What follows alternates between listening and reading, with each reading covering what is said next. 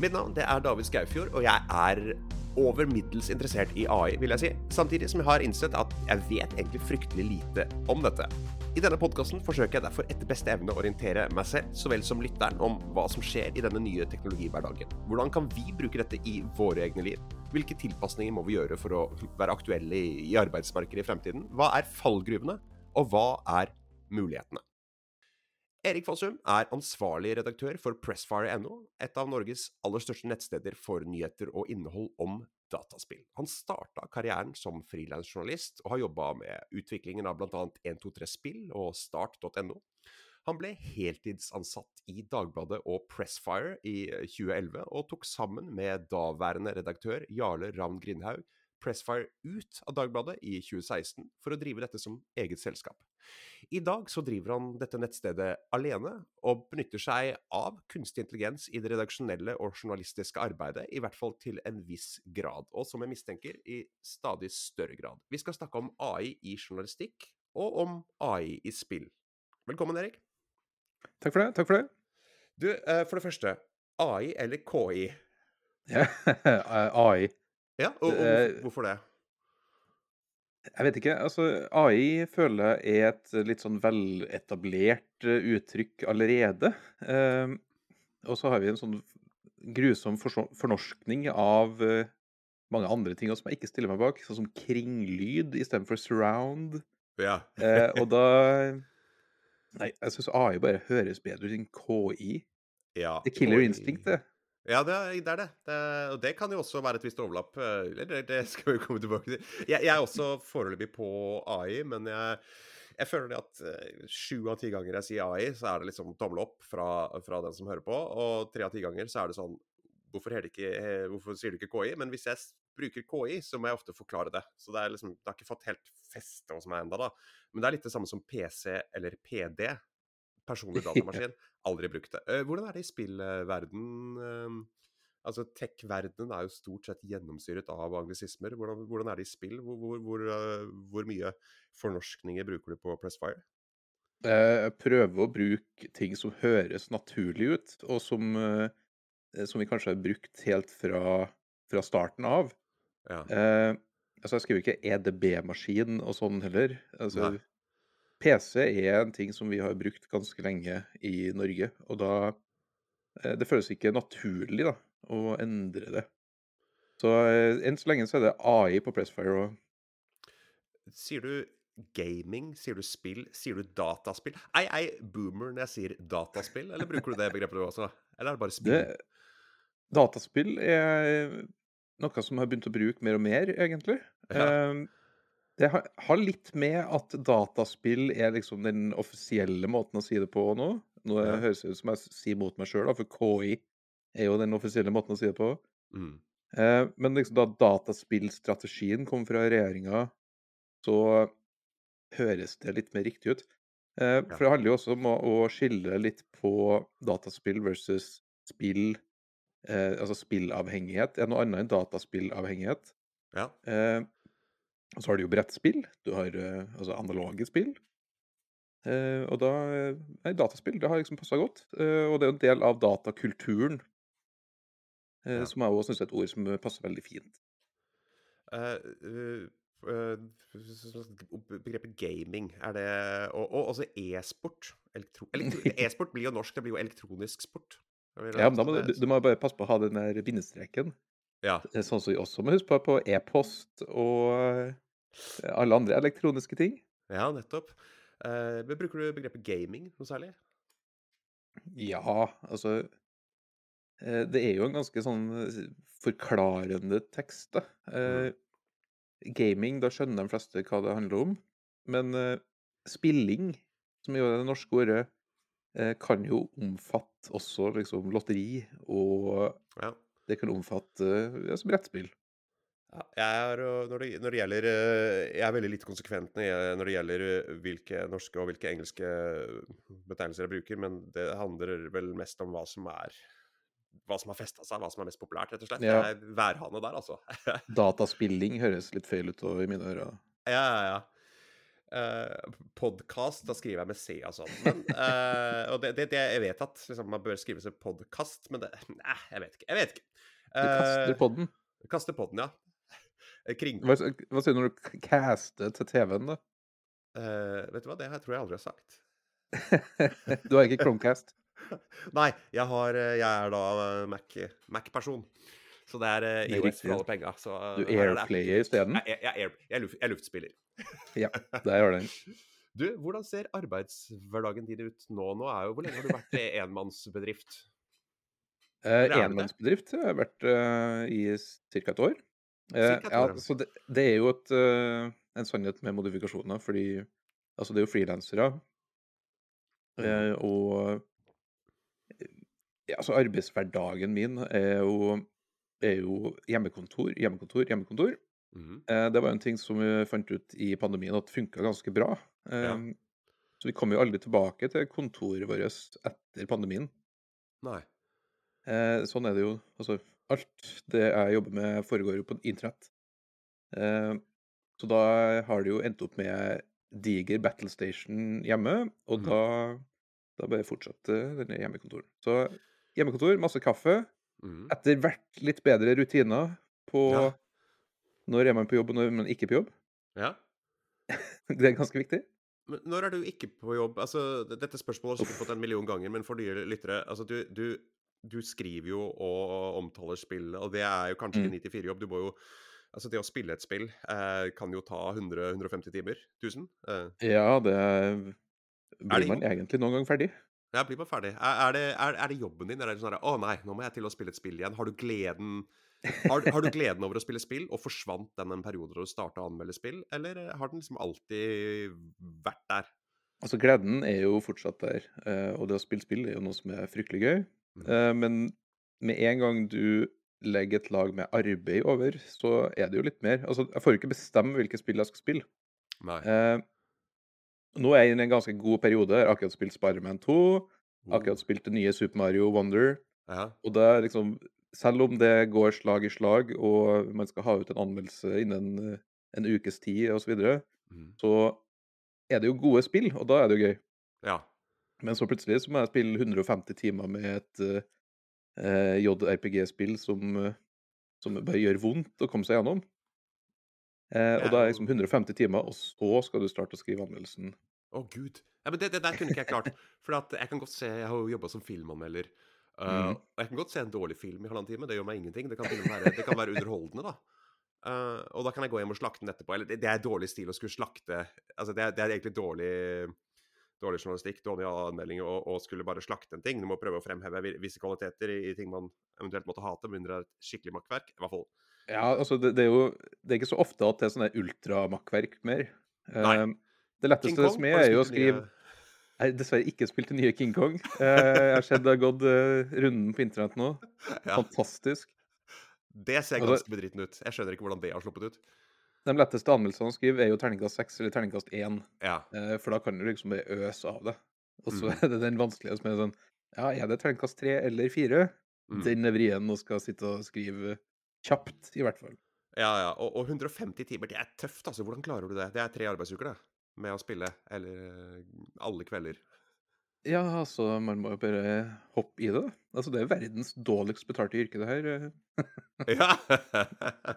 sånn timesmessig. Nei, altså, det går jo litt på passion nå, da. Det går jo på hva jeg syns er gøy å holde på med. Mm. Uh, det er en utrolig interessant bransje. Mm. Og så er det jo det er ikke bare spilling.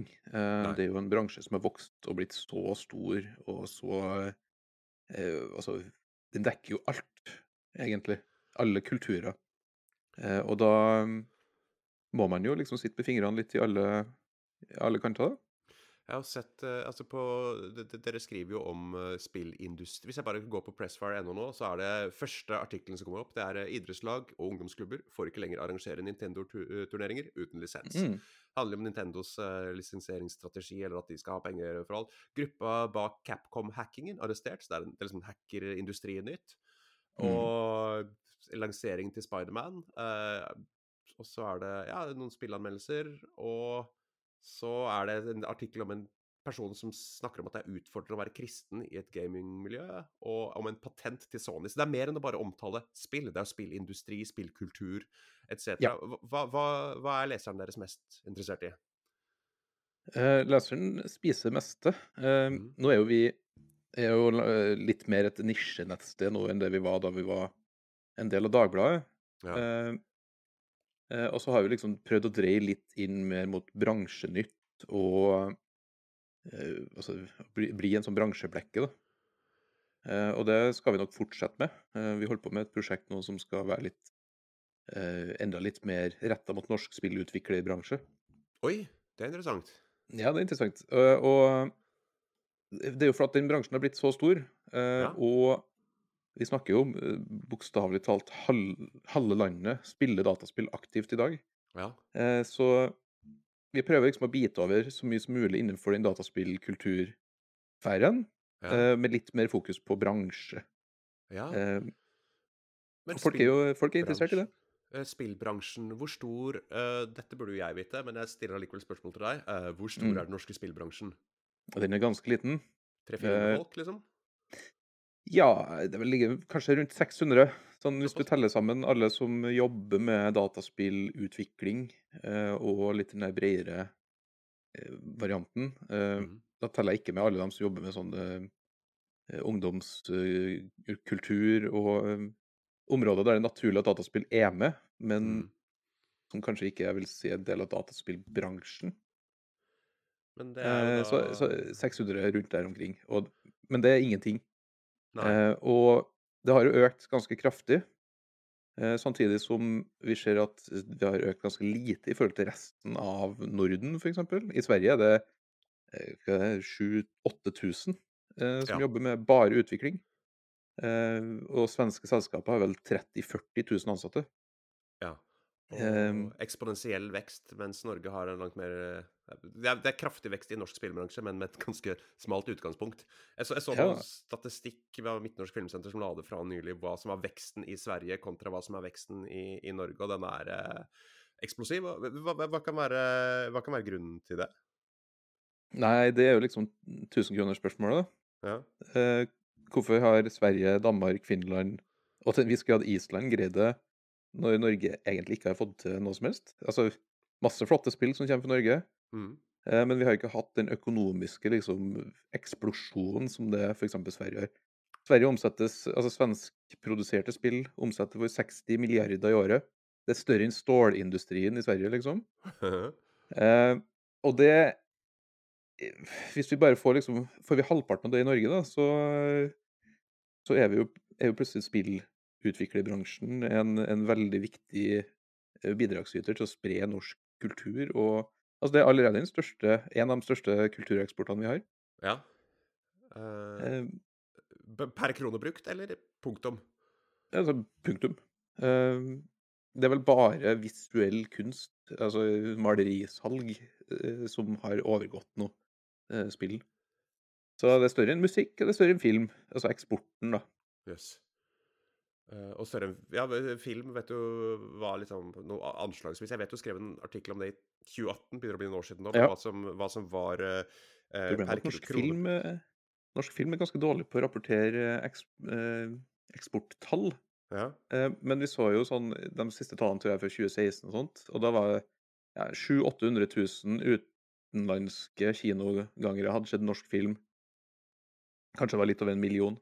ja. Samtidig så har det liksom eh, eh, Funrun fra Dirty Bit eh, har blitt lasta ned 200 millioner ganger. Eh, det, er sånn, det er noen tall her som er helt hinsides for spill. Og Ja. det, men det er for at flere og flere spiller. EU gikk nettopp ut og sa at halve EU spiller. Det er tre milliarder folk på verdensbasis som spiller dataspill, og de spiller masse.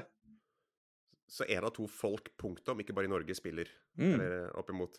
Eh, da, da har de jo potensielt halve det norske markedet som lesere. Jeg regner med det ikke er eh, så mange som eh, eh, av de som spiller. For jeg regner med at når du snakker om spillere, så snakker man om Erna Solberg som sitter med Candy Crush. Eh, altså, Ja, ja, men det, Det er dataspill, det. Ja, absolutt. Absolutt. Eh, men kanskje liksom, tante som spiller Wordfeud, ikke er så interessert i å vite hva som skjer i Activision Microsoft. Mens, eh, eh, men samtidig, når det, altså det, noe av grunnen til at jeg spør rundt dette, her er for å finne ut liksom, hva, hvor mange leser dere, og hva er økonomien, og hvordan kan AI Jeg skal liksom ko- ko- komme gradvis inn på det der. Men, men hvis 600 norske, i norsk spillbransje leser, da vil jeg si at liksom sannsynligvis flesteparten av de vil begynne å lese Pressfire jevnlig hvis det er Om de ikke allerede gjør det hvis det er spillindustrinytt, spillbransjenytt. Men det er også Jeg en veldig liten gruppe. Jeg tipper de fleste leser Pressfire allerede. Eh, det er jo en ganske altså Når bransjen er så liten i Norge, så er veldig mye eh, altså ildsjeler, da, kunne du si. Mm. Eh, og dem er nok interessert allerede. Eh, men jeg kan jo si at da vi var i, i Dagbladet, så hadde vi jo litt større eksponering ut mot folket. Mm. Eh, og da var vi jo liksom eh, opp mot million i antall lesere. Ja. Eh, så det her var jo det, altså det her er noe som folk faktisk bryr seg om. Eh, og det, eh, ting vi så der, var jo at eh, folk responderte veldig godt til retroartikler, f.eks. ja. Altså artikler som handla om gamle spill, spill fra barndommen. Mhm. Eh, og da gjerne klistra vi opp på, altså på toppen av dagbladet.no med et gammelt skjermbilde fra midt i spillet, f.eks. Da kom folk inn og be Oi, det husker jeg. ja, nettopp. Eh, eller helt nye anmeldelser til, til spill som, eh, som bare folk så frem til. Altså, jeg husker vi anmeldte Skyrim i sin tid, og det var lå bare ut på fronten som Her er Skyrim-anmeldelsene og sånt. Ja. Det var mange hundre tusen som klikka på. Det er, Eh, det er jo motsatt av clickbait. Det er rett og slett Dette er saken du får. Trykk her om du er interessert i å lese den. Uh, det er, ja, det, clickbait er jo liksom den evige Dessverre så funker det. Ja, det gjør det. Funker det på sikt også? Altså Hvis, hvis folk føler seg lurt av 100 clickbait-artikler, kommer de fremdeles? Det vet jeg ikke. Um, ja, er vel dessverre svaret. Um, men samtidig, altså Fins det en ting som irriterer folk mer? Eh, det tror jeg ikke. Og så mm, finnes det jo forskjellige sjatteringer her, da. Altså, du har clickbit, og så har du liksom det å gjøre ting litt mer tabloid. Ja. Eh, som, altså, for å ta Dagbladet som eksempel, da. ja. Eh, da vi var en del av Dagbladet, så var det jo altså den ganske knallhard tabloid vinkling. Mhm. Men det var ikke det der, det der groteske som ligger ute på Dagbladet.no i dag. Der det er Altså, jeg, jeg kjenner jo folk som jobber der ennå, og der er jo regelen å ha maks fire eller fem ord på fronten. ja. Da får du ikke fortalt ganske, så veldig mye om hva som foregår i saken. Eh, og da betaler man seg jo inn med et klikk først, for å se om det her er en sak man uh, kommer til å være interessert i. ja. Eh, dessverre så funker det jo. Jeg ser nå på db.no, så er det akkurat nå, akkurat nå, som ruller over i gul klikk. Selvfølgelig. Og så står det 'person omkom', kolon, utsatt igjen. Altså igjen med gigantbokstaver. eh, Med et bilde av en person som ligger på kanten av eh, prekestolen eller et eller annet. Og så er det eh, saker under. 'Bekrefter mystisk funn', og så er det bilde av Å, faen. Ja, det var et 83 år gammelt mm, ubåtmysterium. Nå fikk de en eh, nå fikk de klikk for meg. Sperret opp øynene med bilde av et eller annet eh, lugubert i mat. Og så bondage set, kolon, dårlig, og bilde av en dame i BDSM-utstyr. det er de Jeg vet jeg må fortsette. Tre nakne kvinner, kolon, gigantiske bryster, og bilde av en Oi. og, og siste. Stoltenberg, så står det 'refses', kolon, umulig i krigsfond. Ja, det Det er ikke en over... Det er helt, Jeg har ikke tenkt over det. Det er fire til fem ord i hver overskrift. Ja, men det, det er visstnok regelen der nå. Eh, og så kan man jo si eh, For Dagbladet og VG og sånn, eh, den der eh, klikkjaget som foregår nå, eh, sånn rent økonomisk, er det, er det nødvendig? Fordi, altså, jeg tviler på at Dagbladet.no er utsolgt på annonser og virkelig desperat trenger de mange millionene klikkene hver dag. Eh, så det setter jeg litt sånn spørsmålstegn ved. Eh, men igjen, altså Artiklene blir jo lest. Eh, jeg tror ikke Dagbladet har veldig happy lesere, det tror jeg ikke. Men det er jo likevel en, altså, en viktig kilde for journalistikk og nyheter. Ja. Og så er det litt den der tida vi er inne i med at folk scroller veldig fort over, og da kanskje man ikke kan ha veldig lange Nei, jeg har jo jobba mye i in, eh, forskjellige typer innholdsproduksjon, da. Eh, og blant annet reklame. Og det var før så ble du tvunget til å se på en kinoreklame i 30-60 sekunder fordi at du hadde betalt billetten, og du gleder deg kanskje til og med, for da snakker vi 30 Ja, år siden, til å se en, en liksom artig humorreklame. Nå er det sånn, hvis du ikke har fanga leseren på Jeg hører hele tiden statistikk på det. Statistikken høres helt parodisk ut for meg, men det er sånn der en brøkdel sekund. Hvis du ikke har liksom fanga oppmerksomheten og kommunisert hva dette her er, eller lurt folk til å bli på 0, faen, så, så har du mista. Mista Ja, det her, hele Det her ser du jo i eh, altså Når du er på å utvikle en, nettside òg. mm, Altså, for hvert eh, halvsekund sånn det tar å laste din Ja. nettside, så eh, forsvinner liksom en stor prosentandel. Eh, Og det dette Jeg er jo litt er- sånn sjøl, da. Altså, jeg klikker på en lenke, hvis jeg- den sida ikke dukker opp på eh, fire-fem sekunder, så Ja, ja. eh, da er jeg ute. Ja, ja, ja. Da, da ryker den ferien med det flyselskapet. Helt enig. Så, eh, men, men, men det som er interessant, da, det er at altså, dette ekstreme kortformatet er jo da utfordret av dette ekstreme langformatet som er spill. Og jeg spiller faktisk når jeg går inn Jeg foretrekker noe etter jeg ble pappa, så er det liksom spill på tre-fire timer som er Det er Ja. liksom pappaspill. Men jeg spiller gjerne 30-70 timer uten problem, og hvis jeg elsker spillet 100. Ja, altså Uh, og det er, det er mye oppmerksomhet, altså. Det er mye tid brukt inn i Det er jo litt det, altså det, det, som er en av styrkene til dataspill òg, er jo det der Altså, hvis du først liker akkurat det spillet ditt, Mm. så kan det jo være altså, en blessing. At det er sånn, å, jeg har 100 timer igjen å kose meg. Ja, akkurat det. Jeg vil bare ha alt ut av verden. Hvis jeg, og når jeg er ferdig med et spill, da vil jeg ikke spille et annet spill. Da vil jeg spille mer av dette spillet. Jeg vil kjøpe en DLC. Jeg kjøpte en nye Cyberpunk-DLC nå istedenfor. Jeg satt, Mhm. satt eh, og vi skal komme oss inn på AI hvert øyeblikk, men jeg satt med, med, Cyber, nei, jeg satt med Baldur's Gate 3, um, nye Assassin's Creed Mirage, uh, Spiderman 2 og Hva var det siste? Det var for, jo Star, um, Starfield? Star, Mhm. Eh, og, og, og de har jeg lyst til å spille alle sammen. Nei, vet du hva? Jeg spiller mer Cyberpunk. jeg kjøpte en, tilbrakte 15-20 timer mer i det universet. Uansett, uh, hvordan tjener dere pengene deres? Uh, Det er jo altså, primært annonsesalg, og så har vi nå brukerbetaling, eller brukerdonasjoner på Patrion. Ja. Og så har vi, vi har vært så heldige at vi har blitt støtta av både Fritt Ord og av Kulturrådet, eller Kulturinstituttet, som det heter nå. Um, og det har liksom det, Spesielt de to siste har jo eh, vært veldig fint for oss. Eh, Da eh, kan man jo slappe litt mer av. Men dere var jo to årsverk tidligere, Mm. pluss flere frilansere, og nå har dere ett. Er det Har du nå to årsverk å boltre deg selv, eller har det blitt trangere tider, så du, det, dere gikk ned? Det var bare rom for én person? Det, har blitt trangere tider, det absolutt. Det ser vi jo over hele mediebransjen, egentlig. Ja. Eh, og så er det litt med det Vi er i et marked der vi ikke bare har norske konkurrenter. Altså, det finnes jo egentlig ingen norske konkurrenter. Eh, vi har én, eh, gamer.no. Ja. Eh, spilldekning i norske medier har eh, dessverre tryna helt. Mm. Eh, men eh, den brukerskaren som vi henvender oss mot, eh, er ganske interessert i spill. ja. Og da er det jo også utenlandske medier eh, å ta av. IGN, Eh, liksom? Er det en konkurrent? IG, IGN er det. Eurogamer, altså Kotaku. Eh, sånne store nyhetsnettsteder, altså gigantiske, egentlig. Eh, Ja. eh, de er også konkurrenter av oss. Eh, de tar også annonsepenger fra, fra oss, skulle du si. Eh, Ja. Eh, og det er, det er trangere tider på annonsemarkedet, det Ja. merker vi. Og da har det vært veldig fint med den støtten i bakkant. klikker folk på annonser? For jeg, det slår meg nå hele på Pressfire. Det er kanskje, det er kanskje dårlig gjort av meg å si, men jeg kjører adblock.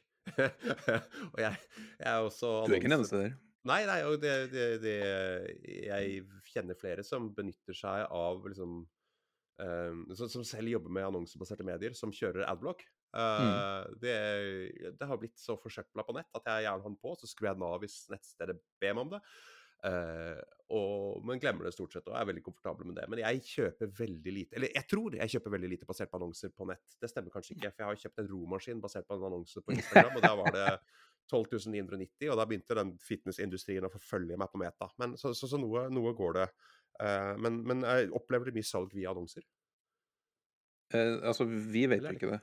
Eh, vi er jo bare eh, Vi står jo med skiltet, skulle jeg si, 'gå inn i butikken'. Ja. Vi vet jo ingenting av det som skjer inn i butikken. Og nei, det er ikke som Google AdSense var for eh, 2000, i 2006, sist jeg brukte det. Hvor du, hvor du da fikk liksom Ja, nå har du så mye konverteringer, så mye salg. Her har du 18 dollar. Nei, ikke sant.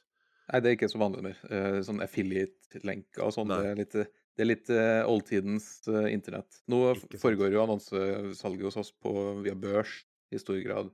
Ja. Så da slipper jo vi egentlig å tenke på det. Uh, men uh, dette med mm, Altså dette med innhold og økonomi, det må alltid spille på lag. For at hvis du hadde kunnet skrive om akkurat det du ville, hadde, du, hadde Pressfire sett annerledes ut enn det du gjør? Eller Nei, for jeg skriver om akkurat det jeg ville. Du gjør det. Da, da er du heldig, uh, for at det er jo veldig mange Jeg tipper jo at de Dagbladet-journalistene som fikk litt gjennomgåelse i sted, de skriver Det var kanskje ikke drømmen deres å skrive Sjokk, terningkast tre, eh, da de starta sitt journalistiske virke. Men det er sånn Ja, skal vi overleve, så må vi gjøre det. Eh, så kan man spørre seg selv om det er noe man bør Det- men det her-. Her er liksom Det er min kjepphest her, da. Ja. Må man gjøre det for å overleve? Altså, er det klikkjaget som har sørga for at Dagbladet har gått bra de siste årene? Eller er det Altså, det her henger sammen. Jeg jobba i mange år i kommersiell avdeling i Dagbladet. Mm. Eh, og eh, vi så jo at altså, grunnen til at det var nedgangstid i, i journalistmarkedet, var jo Mm. alltid at det var nedgangstid i annonsemarkedet. Eh, eller altså, altså, vi så det da, da YouTube plutselig ble en, en stor greie. Alle annonsører skulle på YouTube. Så var det Facebook, og så var det ditt, og så var det datt. Altså For hver sånn, eh, sånn endring i markedet som den kommersielle avdelinga i et stort mediehus ikke greide å følge med på, Ja. det fikk utslag for hele liksom eh, altså hele virksomheten. Og da var det nedgangstid. Og hvem var det første som ble kappa da? Jo, det var jo altså journalistene. Mm. Eh, da kom liksom ostehøvelen, som var liksom greia i Dagbladet. Eh, alle avdelinger ble kappa like mye. Og da var det nedgangstid, og det var Ofte fikk jo eh, Altså, den redaksjonelle satsinga fikk skylda for det, men den egentlige skylda var jo at det var kommersiell avdeling som ikke greide å henge med på trender, og som ikke Ja. greide å få nok penger. Eh, og da er det, det er litt rart altså Dagbladet går ut og sier at eh, ja, kultur var aldri en viktig del av det vi gjorde, eh, som, høres, som er spinnvilt. Ja. Og så eh, og de går ut og sier at ja, vi hadde en kultursatsing i 2009, og da gikk det til helvete. Vi holdt nesten på å gå dukken. Så sånn, ja, men i 2009 så var det nedgangstid for hele mediebransjen. ja. Altså, eh, Dagbladet og VG var, var i en stor omstillingsfase fordi de skulle over fra eh, papirsalg over til digitalt i veldig stor grad. Mm. Nedgang på sånn 20% og sånt år over år i papirsalg. Og så er det da redaksjonen sin feil at det går dårlig. Eh, altså Dagbladet.no økte jo og økte jo økte jo i samme tid. Passert en million lesere hver dag. Eh, da er det ikke Altså, det er ikke trafikken det går på, altså. Det Jeg, jeg håper så inderlig at det du sier, og di- din tanke her, stemmer. For det er, det, det er den verden jeg vil leve i. At, uh, og, og jeg kjøpte jo Dagbladet mange år, fram til rundt 2008, fordi at det var kulturavis. Fordi at jeg kunne lese om film. Jeg kunne lese om norsk film. Jeg kunne lese intervjuer med norske filmskapere. Jeg kunne lese tegneserier. Det var den beste tegneserieavisa. Det var den eneste, eneste ordentlige tegneserieavisa som hadde sånn tegneserie som storsatsing i Snorre Bryne-tida. Uh, det var uh, um, det var, min, det var min avis, da. Uh, og, og så var det plutselig ikke det lenger. Og nå er det så til de grader ikke det. Og det hadde jo akkurat tre tidligere eh, eh, i Dagbladet har gikk ganske hardt ut mot Dagbladet i en eh, kronikk. eh, mm.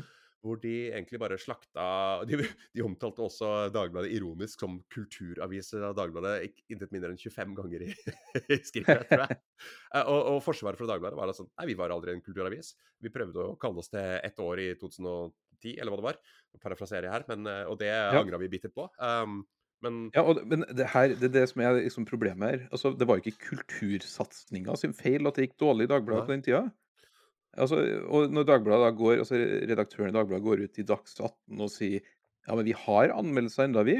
Og så er det sånn, ja, de har TV-anmeldelser. De har én siden mai. De har hatt to musikkplater de siste to månedene. De har ikke hatt noe film siden eh, Barbie og Oppenheimer. Eh, ingenting på teater. Bill, ingenting siden 2015. Altså Vi, eh, du, du er jo nå én person. Hvor mange årsverk er det i, i Pressfire nå? Det er ett Ja, hva skal du si? Litt over ett. Litt over ett, ja. Så du, du, har råd til å betale folk for å skrive Du har råd til å betale mennesker for mm. å skrive frilansartikler, eller? Ja. Er det tilbud i det gratis?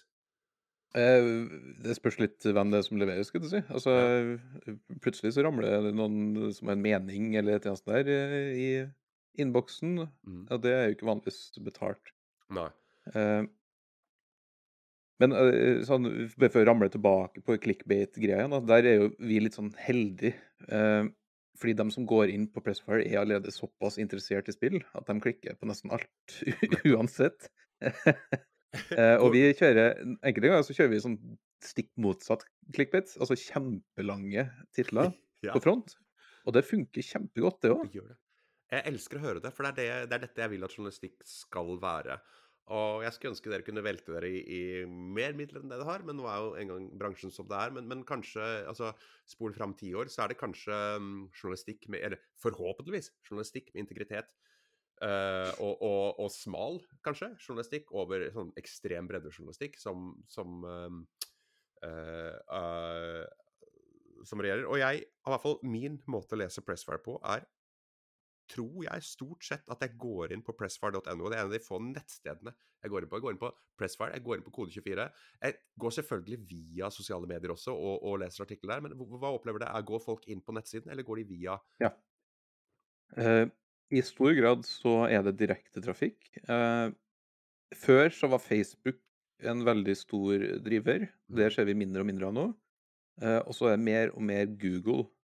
Eh, folk som søker på ting. Eh, og det Den andelen har økt mens Facebook har gått ned. Og så er det rett og slett word of mouth. Eh, vi har Da vi gikk ut for Dagbladet, så hadde vi sikkert eh, veldig få folk som kom direkte inn på Pressfire. Fordi alle artiklene våre lå ut på dagbladet.no, så det var ganske naturlig å bare gå på Dagbladet, så fikk du spillstoff. Ja. Eh, det, sånn er det dessverre ikke noe mer nå. Eh, I, I, noen norske mediehus, egentlig. Eh, men vi så jo at etter hvert som vi hadde vært ut fra Dagbladet en stund, så, så kom jo folk tilbake. og da, ja. da er det liksom via bokmerket, det. Bokmerket er jo godt og gammelt og trygt. Men du, men du nevnte uh, at det kanskje blir mer og mer sånn smalere medier mm. uh, for ting. Og det, det, er jo en ting som vi har sett. Altså, her sitter vi og snakker om uh, Vi snakker jo ikke om AI akkurat nå, men uh, podkast er jo en sånn greie som har tatt av litt for den der brede radiodekninga. Ja. Nå er det smalere og smalere podkasttilbud som man kan liksom bruke laser da istedenfor hagle. Ja. Og finne det som interesserer dem jeg har jo aldri hatt en gigastor eh, podkast. Jeg hadde jo David Skaufi forklare alt i mange år, og har den for så vidt fremdeles, selv om den kommer uh, mye sjeldnere ut. Det er klart jeg plugget min gamle podkast i min nye podkast her, men, men uh, det jeg merka, det så jeg helt tydelig, det var jo at det var to ting som gjorde at uh, det kom folk inn. og det var Jo smalere jeg gikk, jo bredere traff jeg. Helt ja. utelukkende. Altså når jeg lagde én episode om én X-Files-episode fra 1995 og snakka to timer om den, så traff den Og, og da vet jeg ikke helt hva spredninger er, men jeg går ut fra at noen har posta den i et X-Files-forum på Facebook, og så har jeg fått alle de. Eller jeg lagde om ja, type retrotemaer, Commodore 64, musikk, spillmusikk hver en episode, eller at jeg bare jeg går kjempesmalt inn i illustrasjon for brettspill, og så bare treffer det en sånn liten meganisje. Og det andre var hvis jeg hadde kjendiser, og det, det sier seg selv, for da får man Hvis de sprer det på sine, sin mm. sosiale medieprofil, så får du plutselig Da treffer du i første liksom, spredning eh, et større marked. Men, men, men, smalt, var, uh, smalt er stort, da. Og, og, i hvert fall hvis du treffer et internasjonalt uh, marked. Men um, jeg har lyst til å snakke litt om hvordan hverdagen din som journalist endra seg for ca. et år siden. For da ble du en enmannsbedrift, og i tillegg så gjorde jo ChatGPT og andre AI-verktøy virkelig sitt uh, inntog og ble husholdningsbegreper. Og det som var utenkelig for meg for et år siden, er at at uh, AI skulle skrive journalistikk som jeg var interessert i, det er nå daglig, uh, daglig fenomen for min del. Jeg var inne på NRK hvor det står denne artikkelen er skrevet av KI og gått gjennom et redaksjonelt element. Enkeltartikler på Pressfire er også det. Superlangt spørsmål, men jeg tror du, tror du klarte å destillere hva som er inni her. For ett år siden. Du blir én persons uh, Pressfire.no, ennå, og AI gjør sitt inntog. Hva skjer rundt da? Altså AI, AI er jo noe som har fascinert meg ganske lenge. Altså, selvfølgelig som en sånn science fiction-begrep til å begynne med. Mm.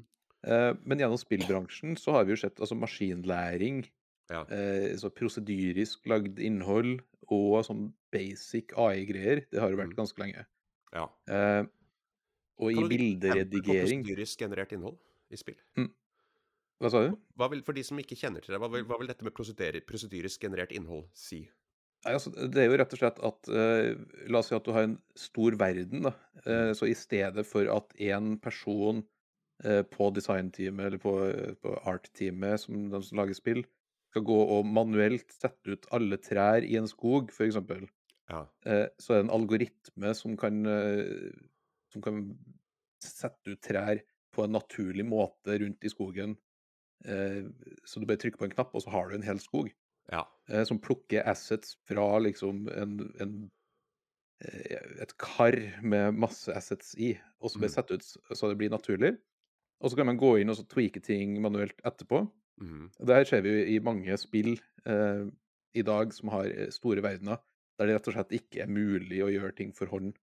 Eh, senest, altså Starfield, det nye eh, sci-fi-spillet som har 1000 verdener du kan dra til. Mm. Eh, det, det sier seg sjøl at man kan ikke ansette folk til å sitte og lage tusenverdener. Det går ikke. Nei.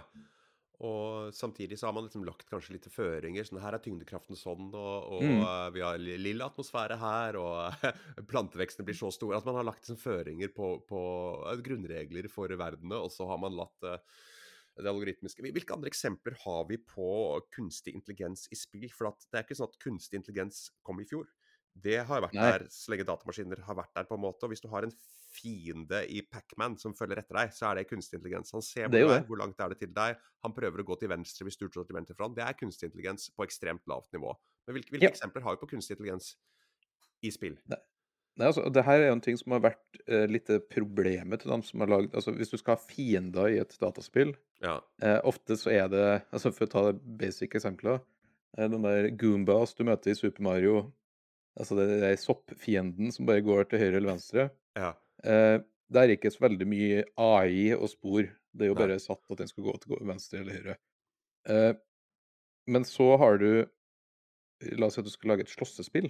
Mm. så må du jo ha en, en uh, datastyrt fiende ja. eh, når du skal spille alene.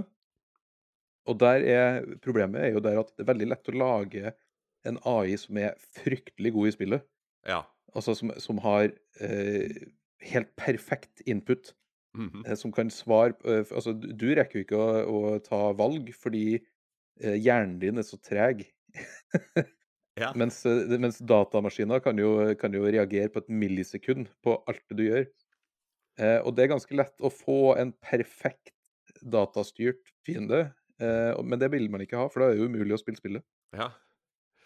Eh, og der føler jeg at altså, den der litt nye maskinlæring og det nye AI-elementet som kom for noen år siden, eh, lager mer naturlig motstand. Mm. Eh, men kan også lage mer naturlige folk Altså rett og slett eh, folk du møter i spill. ja. Eh, men det er vi, vi ser ikke så veldig mye til den der den, dagens begrep av AI. eh, det som liksom har blitt greia det siste året, to årene. Vi ser ikke så mye av det i spill på den måten i dag. Jeg så en demonstrasjon ja, for, at, for at man må skille mellom generativ eh, AI og, og, og ja, prosedyrisk eh, generering og Mm. eh, maskinlæring etc. Eh, og, og for mange, inkludert til en stor grad meg selv, så er dette en samlebetegnelse med, hvor jeg kan trekke ut litt sånn litt kunnskap her og der, eller eh, litt innsikt her og der. Men, men jeg så nylig Nvidia, eh, de, de, de der skjerm, skjermkort... Altså grafikkprosessorprodusenten, er det riktig å si? Ja. Eh, De hadde en demonstrasjon av hvordan du kunne ha en stor, åpen verden hvor alle NPC-ene, eller, eller non-playing characters, har eh, er, er drevet av kunstig intelligens. Og da kunne du Den videoen jeg så først Jeg, så, jeg fant ikke demonstrasjonen fra Nvidia når jeg søkte. Jeg fant en fyr, eller selvfølgelig en fyr som skulle reagere på det her. Klassisk YouTube-ræl. Men det var litt morsomt, for han prøvde å gå rundt og overbevise alle de, de eh, ikke-spillbare karakterene, de data, dataspillerne, datamaskinspillerne, om at de befant seg i en simulering. Ja. og, og prøvde å overtale dem til å å maste på dem. Og, og det, det, var sånn, det var veldig fascinerende, og det var en utrolig og Dette er jo ikke en De er jo ikke en spillprodusent, de er en hardware, og da tydeligvis også en, en eh, softwareprodusent, men Uh, men det var en fascinerende demonstrasjon, samtidig som det føltes ut som alle karakterene var varianter av chat-GPT. Så jeg var usikker på om... Det er jo akkurat det. Altså, ja. det, det som er Chat-GPT er jo liksom uh, den beste akkurat nå. Uh, ja. Og du kan jo koble på API-er ja. uh, og liksom få det rett inn i hva du enn vil. og jeg, jeg, tror jeg vet hvilket spill det er snakk om. Altså, det er jo ikke et spill engang, det som du, du snakker om. Det er en, det er en fest, er ikke det? du er en stue, og så er det masse folk som er på fest. Så kan du gå bort og prate med hver og en av dem, og så har de liksom fått personligheter basert på en prompt fra den som lagde spillet. Ja. Uh, og, det var ikke den jeg så, men jeg, jeg har sett den her også. Altså, jeg, ja. Den jeg tenker på, var Gikk de på en sånn Matrix-aktig Unreal-type verden, med masse folk som bare sto i New Yorks gater? Eller hva ja, riktig. Det er jo samme, samme konseptet. I samme konsept, ja. Uh, men altså, det, det, for meg så starta liksom den AI, den virkelig store AI-greia, var da Nvidia For Nvidia lager jo eh, hardware som er, brukes i AI. Eh, altså de har egne AI-prosessorer ja. eh, som de lager, og som i større og større grad har blitt en del av eh, grafikkort som brukes til spill. Ja. Eh, og det er jo ikke bare liksom det der chat-GPT-varianten av AI der. Eh, vi snakker jo om eh, bilde Altså AI-course i skjermkort som brukes til å regenerere bilde. Uh, når du spiller. Ja. Altså, du, du tar et, eh, et, eh, ja, skal vi si, et lavoppløselig bilde og gjør det til et HD 4K-bilde. Ja. Eh, og det, det, funker så bra at det 4K-bildet er bedre enn hvis du hadde kjørt spillet i 4K til å begynne med. Og det betyr jo at du kan ta, da kjøre spillet i 720P, eh, og da får du jo langt flere bilder per sekund. Og så får du et cleanere bilde. Det, og det funker. Det, det, er magisk, rett og slett. Ja, eh, det er veldig god bruk av kunstig intelligens. og er, Jeg vil jo komme inn på det her senere. Det er, at, eh, det er at jeg opplever at uh, veldig mange av de bransjene jeg jobber i, og det gjelder egentlig alle, filmbransjen, spillbransjen Vi har jo akkurat hatt nå uh, stor streik i Writers Guild of America, Screen Actors mm. Guild, altså to amerikanske fagforeninger hvor, hvor skuespillere har vært redd for at uh, bruk av kunstig intelligens og, og ja, datamodeller av dem selv faktisk kan bli brukt i ja, det, Noe av det er reelt, noe av det er frykt. Noe av det er et forsøk å bremse en teknologi som allerede er her. Noe av det er veldig eh, etter min mening fornuftig, for man må komme med en eller annen regulering når man uh, disruptor såpass uh, Eller omkalfatrerer, som vi fant ut helt i for, forrige episode heter. Du, du, snakker om dette med bild, bildet bilde ja, for, for det var det er litt Den første gangen jeg fikk opp øynene virkelig for AI, var da Nvidia la ut noe som het Spade. Som ja. var en sånn bildegenerator eh, basert på ting du tegner. Eh, så du kunne liksom eh, med sånn MS Paint-aktig ja. kunne du tegne ut sånn Her skal det være fjell, ja. her skal det være vann, her skal det være gress. Og så lagde den et eh, som på den tida var fotorealistisk bilde. Ja. Og vi snakker jo her om det herrens år 2019. Ja. så det, var, det er ganske nytt. Jeg skrev en sak på Pressfire om det der jeg prøvde å liksom tegne ut noe, noe gamle Nes-spill, Nintendo 8-bit-spill. Og så lagde en liksom eh, realistiske versjoner av det. Ja. Eh, og det var, det, var, det var, sånn Wow! Det her går an i dag. Og det var i 2019. Jeg har den saken og... foran meg. Det het slik Igjen, klassisk uh, Pressfire, ikke Dagbladet-overskrift. Slik gikk det da vi ba en AI tolke elleve elendige skisser fra gamle, gamle spillklassikere. Akkurat det du gjør her.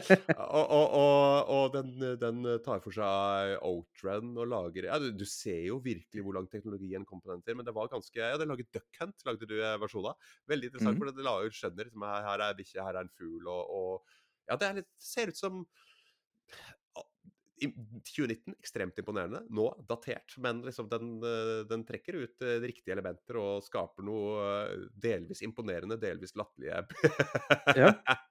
Eh, Du har en sak tre år senere. Kan en AI gjøre gamle spillhelter nye?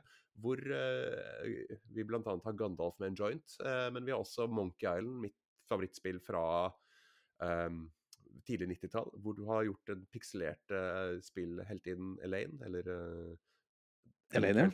The Damsel in Distress, Elaine, til uh, høyoppløselig karakter. Det ser helt fantastisk ut. Ja, så det, det skjedde jo nå da, for da kom jo det der eh, Dali Dal-? Ja, Dal, Da- Dali? Dal-E. DAL-E. Ja. uh, og Stable Diffusion. Uh, Midjourney var i sin første utgave. ja, Uh, og da begynte vi å se den der eh, Nå skal AI lage kunst. ja, eh, som kanskje var eh, det som veldig mange hadde sett for seg skulle være det siste AI greide å ta for seg. ja. Og så ble det det første isteden. Mm, eh, Eller sånn i stor grad.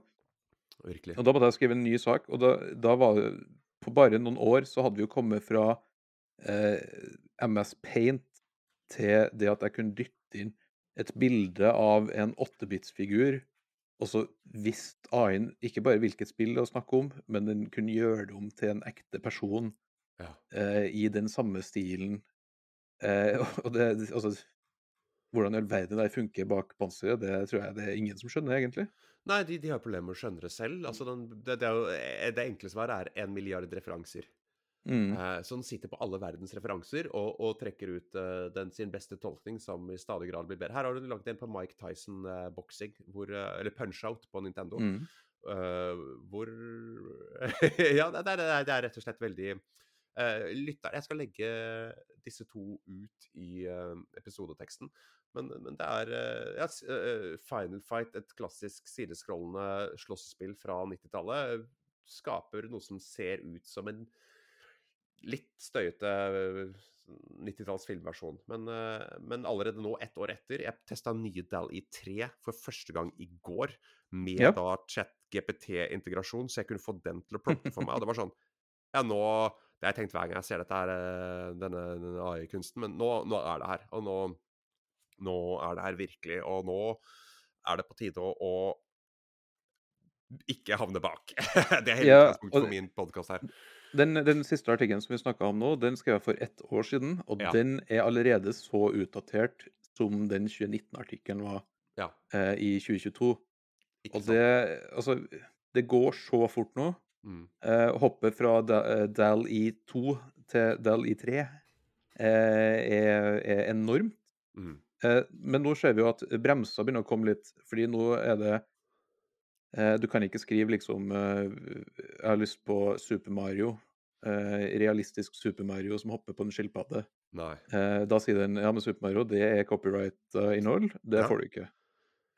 Bing, altså Microsoft, la jo ut en variant av det i Bing Chat eh, litt før Dally 3 kom på ChatGPT.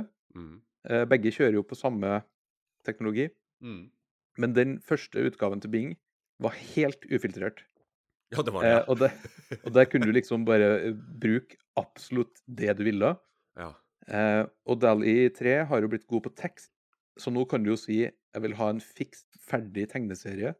Som er liksom konsis mellom hvert, eh, hver rute, og som Ja. har en funny vits, og så prøver den så godt den kan. ja. Så, så blir det ikke Det blir jo aldri superbra. Eh, men bare liksom det at nå kan den gjøre tekst.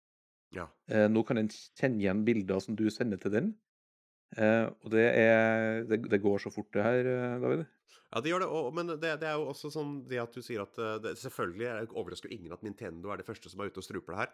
Eh, men ved, ved å kunne regulere input, og den er copyrighta, du får ikke lov, og det vil gjøre at artister har vært uh, ukomfortable med at uh, algoritmen trenes på deres innhold, samtidig Ja. som det er innhold som har ligget ute Altså, alle artister eh, som jeg kjenner i hvert fall, har starta sin karriere ved å kopiere andre, og så utvikle sin egen stil. Og, og Mm. du kan jo si at liksom, datamaskinen gjør det samme, men ja, den Og jeg er helt Jeg, jeg skjønner jo absolutt jeg, er ikke, jeg mangler ikke empati overfor den situasjonen som er at nå får illustrasjoner færre jobber, også til en plagiatmaskin som har kanskje også trent seg på deres innhold. Det er veldig enkelt å empatisere med den, men samtidig eh, ting som ligger ute på internett, kan brukes til research av alle, inkludert også da elektroniske aktører. Um, men, men, men, dette er jo en type reguleringsstruping. Ja, altså, det her er jo en ting som jeg tror mange er liksom sjokkert over farta det gikk i. Ja, Fordi, ja, det er det. Altså, hvis det hadde vært en supercomputer som står og, og jobber i, i, to uker for å produsere ett bilde, så tror jeg veldig mange artister har tenkt å, for det er en kul teknologi, det har lært av min kunst. Ja. Men her, her, trykker du inn et par bokstaver, og så trykker du på enter, og så har du 10 000 bilder ja. i stilen til hvem som helst. Eh, og det er Det tror jeg var mange som, som ble sjokkert over. Og at, det, altså, at resultatet er så bra som det. Eh, og på Pressfire så bruker jeg innimellom eh, AI-genererte bilder som illustrasjonsbilde hvis, det, hvis artikkelen ikke handler om noe spesifikt, ja. eh, så, så, hvorfor ikke bare dytte inn hele artikkelen i ChatGPT og si hei, kan du ordne et toppbilde til meg? Jeg syns det er eh, en uh, god bruk. For for det første, du tar ikke fra en jeg, La oss ta et konkret eksempel. På Pressfire.no nå så har du en sak Gruppa bak Capcom-hackingen arrestert. Og da er det et bilde av et ganske arketypisk bilde av en hacker i hettegenser foran en rekke dataskjermer med Matrix-type eh, drop-down-tekst eh, i grønt som mm. lyser opp. Og, og det er jo dette er jo typisk Hvis jeg hadde søkt på hacking på, på, Google Images, så ville jeg fått opp 500 bilder som ligna ish på dette her, fra type Scanpics, fra, fra um, Hva heter de, de billedtjenestene hvor du kan kjøpe stokkfoto? iStock, f.eks. Mm. Hvor mye koster et stokkfoto? Nei, det kan være alt fra eh, et par dollar til 10-20 dollar. Ikke sant? Så du, du sparer en hundrelapp eller en uh. Du, sparer litt, du sparer litt penger på å gjøre det her, men denne jobben ville aldri gått til en illustratør eller en fotograf i en så liten sak. Vil jeg, vil jeg, eller min påstand. Hva, hva, hva tenker du? altså, hadde eh, for, for, eh, for, oss som er en, altså en liten eh, nettside, mm. så har jeg ikke kunnet, jeg kunne commissiona et bilde til en sånn sak. Eh, I større sånn langformsartikler så har vi gjort det før. Mm. Eh, og så hatt illustratør til å eh, tegne til de sakene. Ja. Og det er ikke noe vi skal slutte med det. men til en sånn kjapp sak eh, som bare trengte et illustrasjonsbilde. Ja. Eh, det at jeg betaler Open AI, eh, gjør jo at folk har jobb der. Ja. Eh, og jeg kunne ha betalt eh, et stokkfototjeneste der en utrolig liten andel av pengene har kommet til fotografen. Ja. Eh, jeg, jeg, ser ikke noe problem med å bruke AI på den måten. Jeg syns det er god bruk av AI. Dette er, dette er noe som i, i, liksom, i mitt uh, gjennom mitt etiske filter er det 100% korrekt bruk av AI. Du, du får noe mye av saken hakket mer liksom, lesbar, interessant ved å bare ha noe visuelt, uten at du må styre med en sånn kynisk iStock-tjeneste som ikke har betalt fotografen noen ting, som du sier. Og, og, jeg, og det, OpenAI koster 300 kroner i måneden. Du, og, og, om det vil komme noe lisensiering for bruk av bilder via det her etter hvert, hvor noe av pengene kikkes tilbake til artistene som har blitt brukt som treningsgrunnlag, det er jo en potensiell Det er godt mulig at det skjer.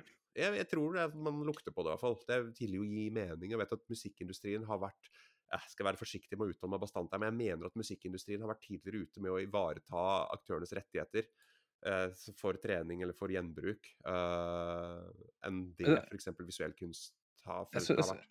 Jeg syns jo det er litt sånn rart at Altså, det har jo òg vært eh, diskusjon om teksten som er brukt til å trene AI, ja. og Eh, selvfølgelig. altså Tidligere så kunne du liksom si sånn Hei, eh, gi meg hele boka til den og den personen, og så ja. kunne du få ut store deler av den boka. Mm. Eh, men det er, ikke, altså, det er ikke like kontroversielt, virker som, at den har blitt trent opp på alle verdens Wikipedia-artikler og Twitter og Reddit og sånn. Nei. Uh, det, men det tror jeg har å gjøre med faktisk et par konkrete høylytte aktører. Jeg mener at Sarah Silverman mm. og et par andre forfattere var ganske vokale på, på, på bruk av dere, hvor, hvor, de kunne vise til at uh, deres bøker konkret hadde blitt brukt. Så, så et par veldig høylytte aktører klarte å, å ivareta en fagfelts interesser. Ja, altså det, jeg tror kanskje det var litt av problemet her er at det bare skjedde uten at noen egentlig ble ja. konferert med. Uh, Men, men sånn er jo ofte disruptive teknologi, da. Mm. Det kommer inn, og så blir dem som allerede er der, forbanna. Mm. Altså, vi, det er utallige eh, eksempler hundrevis av år bakover i tid. Altså, det var altså, fabrikkarbeidere eh, da den industrielle revolusjonen skjedde, liksom. Mm. Eh, da det, det har vært streik over sånne her ting før. Taxier, da Uber ble en greie. Ja. Altså, det her er, det her er jo ikke noe nytt at det kommer ting som, som stirrer opp ting. Hotellindustrien da Airbnb kom? Ja, og nå er jo kanskje Airbnb blir så stort at eh, hotellindustrien holder på å ta tilbake litt det, Ja. det, så, det, det her er- går liksom frem og tilbake i bølger. Eh, Og innenfor spillbransjen da, så har vi jo sett eh, tils, ikke, kanskje ikke på det her nivået, men eh, det å lage et spill altså Ja. Før så måtte sitte animatører og, og sitte og keyframe og, sitte og, og lage hver eneste animasjon i et spill. Eh, I dag så gjøres alt det der automatisk av en spillmotor. Mm. Og jeg tror alle innenfor spillindustrien syns det er helt greit at du ikke trenger liksom å, å lage den gå-animasjonen på nytt igjen. Ja. Eh, vi, tre vi trenger ikke å, å Vi trenger ikke å eh, sitte og programmere shaders på hvordan lys brytes i atmosfæren mer, fordi det, Det det vet spillmotor. Ja. Eh, og det, det er sånne ting da som Det har vært fremsteg hele tida. Eh, nå har vi jo, altså Innenfor spill nå så er jo raytracing er jo liksom det store nye Mm. måten eh, altså lys og skygger simuleres på. Eh, det kan nå gjøres real time, mens før så måtte det gå en eh, kunstner gjennom hver eneste level og bake inn hvor skal det være skygge, hvor skal det være lys. Mm. Nå bare simuleres det. Ja. Eh, og det har jo liksom Ja, du kan si at det er færre jobber da, som sitter og jobber med animasjon, og som sitter og baker skygger inn i, i, i verdenen. Men samtidig så er det jo nye jobber som dukker opp Ja, i form av dem som programmerer shaders. Det er det som er omkalfatering i teknologi. Det er, det, er, det er jo ikke nødvendigvis at du fjerner ting, men du forskyver ting, og, og noe forsvinner på bunnen og kommer igjen på toppen, eller omvendt. Og, og ja, det, det er forsvinner jobber, og det kommer til jobber. Og en mulighet for min del, f.eks., som eh, liten aktør med eh, et eget produksjonsselskap slash spillfirma, er at jeg kan gjøre ting Jeg kan lage mockups, og det er jo det, det, det sier jo liksom eh, ehm, Hva skal jeg si, jeg var på, på var det NFI-seminar eller et Midtnorsk Filmsenter-seminar, uansett, hvor det ble sagt at som lite spillfilma, bare bruk usjenert av eh, av mockups i grafikk og sånn, for at du har ikke råd til å betale folk i oppstarten for det. Men når du blir Mm. eh, en bedrift, så gjør det ordentlig, og, og ikke bruk den mid-journey-looken, men ansette illustratører etc. Jeg ønsker å elaborere på det du sa med dette med animasjon og keyframes. altså For 100 år siden så var jo Disney et gigantisk studio, et av de få som hadde tilnærmet et monopol på det å lage animasjon, hvor du måtte Mm. ha Altså bare dette med film og filmkameraer kostet mye penger. Du hadde jo Jeg vet ikke hvor mange, men det var jo Du hadde konsepttegnere, du hadde de som tegna ut hver, Hvert eneste bilde du ser, 24 bilder i sekundet, var håndtegna, også håndmalt. Det satt en hel Mm. gjeng på sikkert 100-200 malere og malte hver frame. Og disse mellomposisjonene som måtte tegnes ut, altså i en gåsyklus, hvor du bare skal animere en person som går over skjermen, var jo hundrevis av timer med arbeid. Nå kan du lage med enkle med enkel teknologi så har du allerede i 30 år kunnet animere disse mellomposisjonene. Dataen gjetter seg fram til hva det er. Hvis han er nede der, oppe der, så må han være midt mellom i den framen midt mellom, og, og, og gjør disse utregningene. Og det er jo allerede en bruk av en kunstig intelligens på lavt nivå. Som regner. Så, Det er- så, dette har vært bruk i alle år. Og det samme som Adobe på Photoshop har jo brukt kunstig intelligens i alle år. Altså mm. siden 90-tallet på å f.eks. Hvis du trykker på fyll og bare skal fylle noe, så må den liksom lese seg til hvor parameterne er, og hva omtrentlige områder du prøver å fylle. etc. Det er en bruk av en algoritme, en kunstig intelligens. Det er bare at det er eskalert så til de helvetes grader at folk får litt noia, da, akkurat i de siste tre årene. Det, det Altså, siste det er jo- året. Det er jo aldri kult å være på den enden som eh, blir skjefta Nei. av ny teknologi. Eh, og så skal det jo også sies at eh, det ofte går ut over dem som ikke nødvendigvis kjenner så godt Mm. eh, på det de har lyst til å jobbe med. Altså, hvis du er en kunstner eller en concept artist som, som eh, jobber i et lite indie-selskap, Mm. så, så kan det her liksom bety at du ikke har jobb mer. Eh, Ja. Og det, det er ikke noe kult. Og altså, det vil jeg bare få sagt, eh, at, eh, jeg har stor, eh, sympati empati med dem som dem som nå potensielt mister jobben av det her. Og jeg tror det kommer til å skje. Jeg tror det kommer til å være en periode nå, der det kommer masse crap Mm. lagd med AI. Ja. Det kommer til å være store selskap som kommer til å prøve seg fram, kommer til å lage ting for å se liksom, hvor går den grensa der folk syns det er godt nok, Mm. og likevel kommer til å kjøpe spill, eller film, eller musikk. Ja. Eh, og det er akkurat liksom sånn hvor hvor går grensa, hvor er vi på vei hen? Det er veldig vanskelig å spå akkurat nå, for nå går det i 10 000 km i timen.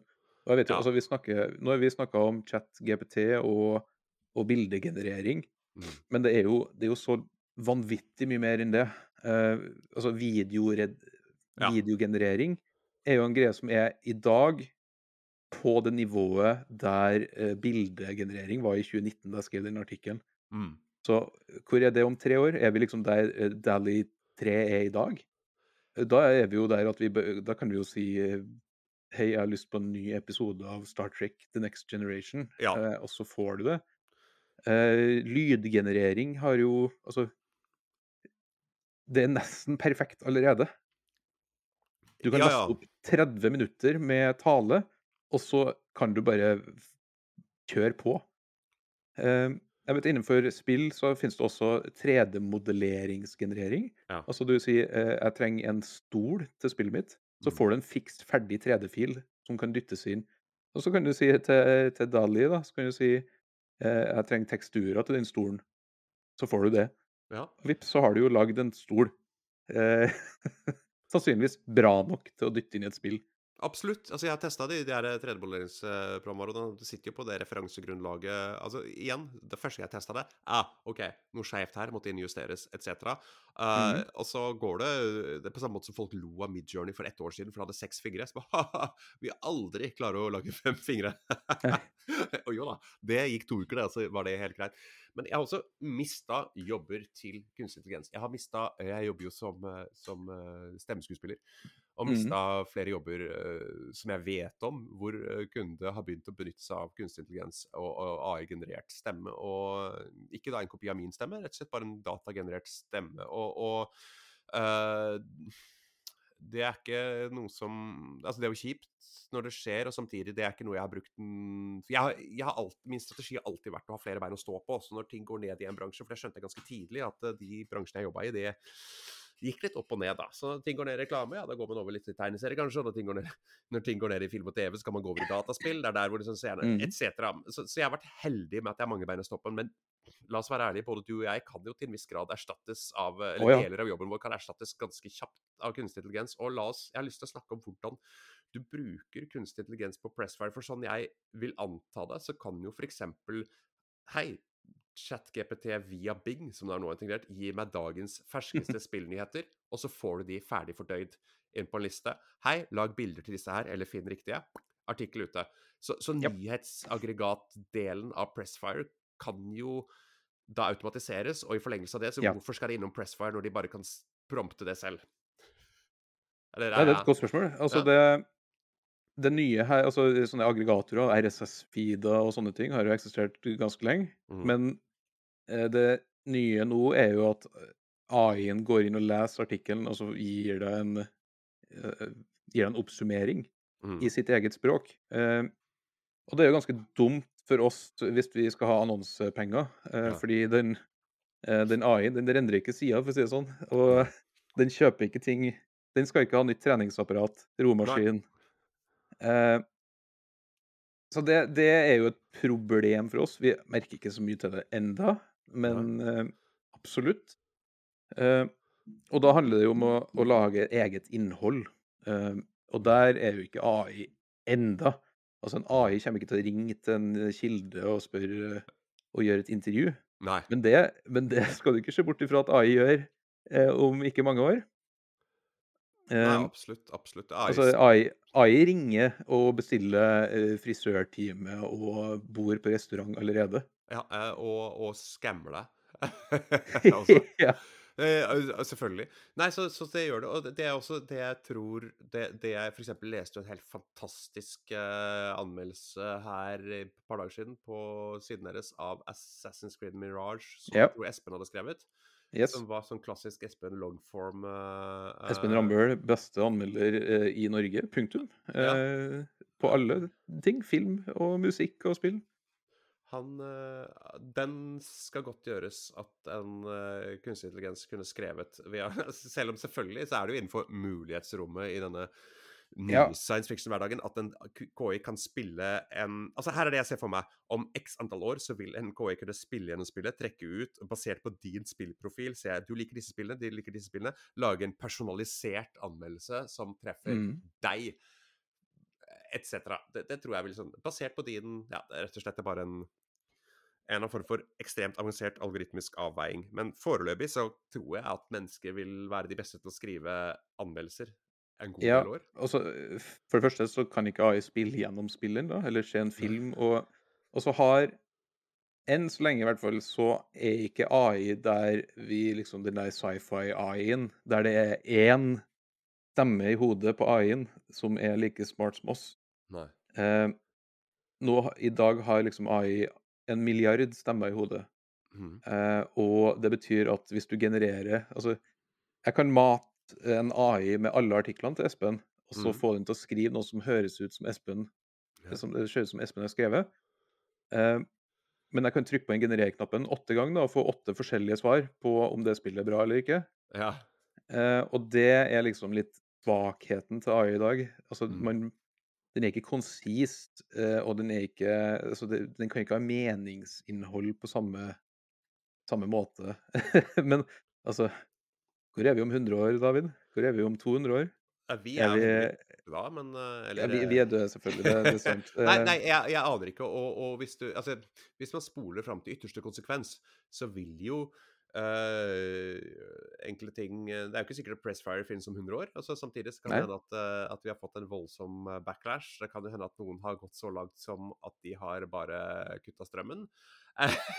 For at det er Nei, jeg, jeg vet ikke, og jeg prøver å orientere meg ikke bare i hvordan det er i dag, for det er ganske uvesentlig. For hvis folk hører her uh, Hører denne podkasten om ett år, så vil det være egentlig relativt datert, tror jeg. Mm. Men, men uh, det jeg har lyst til å finne ut litt er hvordan du jobber. Hvordan du bruker kunstig intelligens for å Ja. drive Pressfire. Hvordan kan du, din arbeidshverdag som én person hvilke arbeidsverktøy bruker du? Hva benytter du av? Hvordan kan den avlaste deg som assistent? Og, og hva kan den ikke gjøre? Hva er ditt redaksjonelle ansvar? Egentlig hele Pressfire pluss AI. Hele pakka.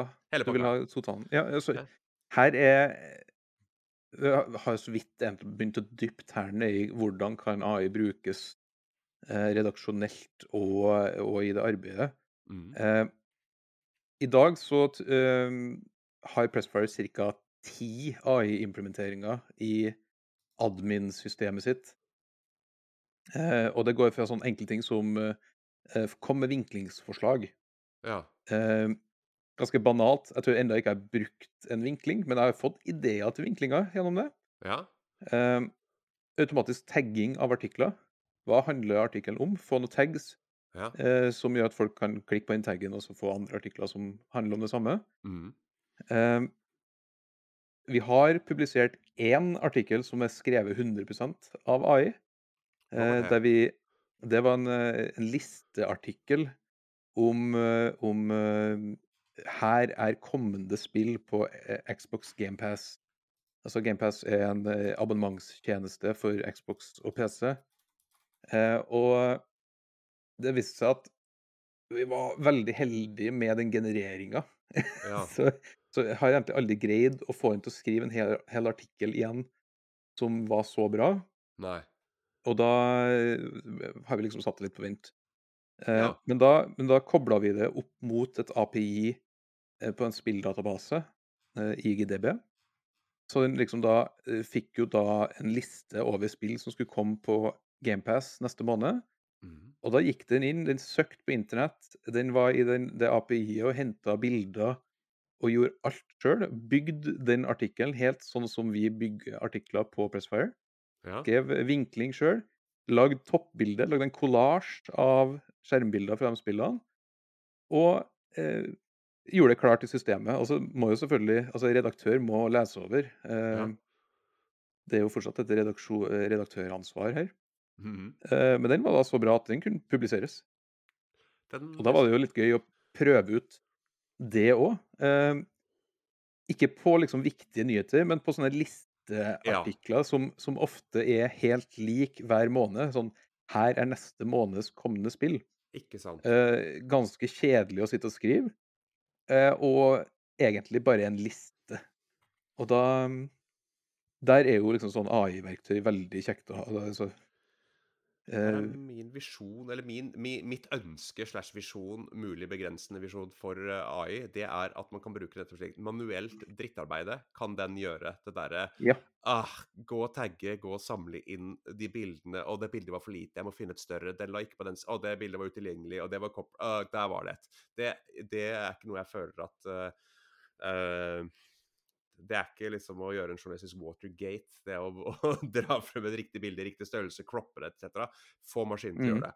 Og, og la det kreative, eh, humane arbeidet være opp til mennesker. Og her, eh, i samspill, så, så høres det helt vidunderlig ut at det kan foregå sånn. Jeg kan godt fryse det der, eller samtidig ikke.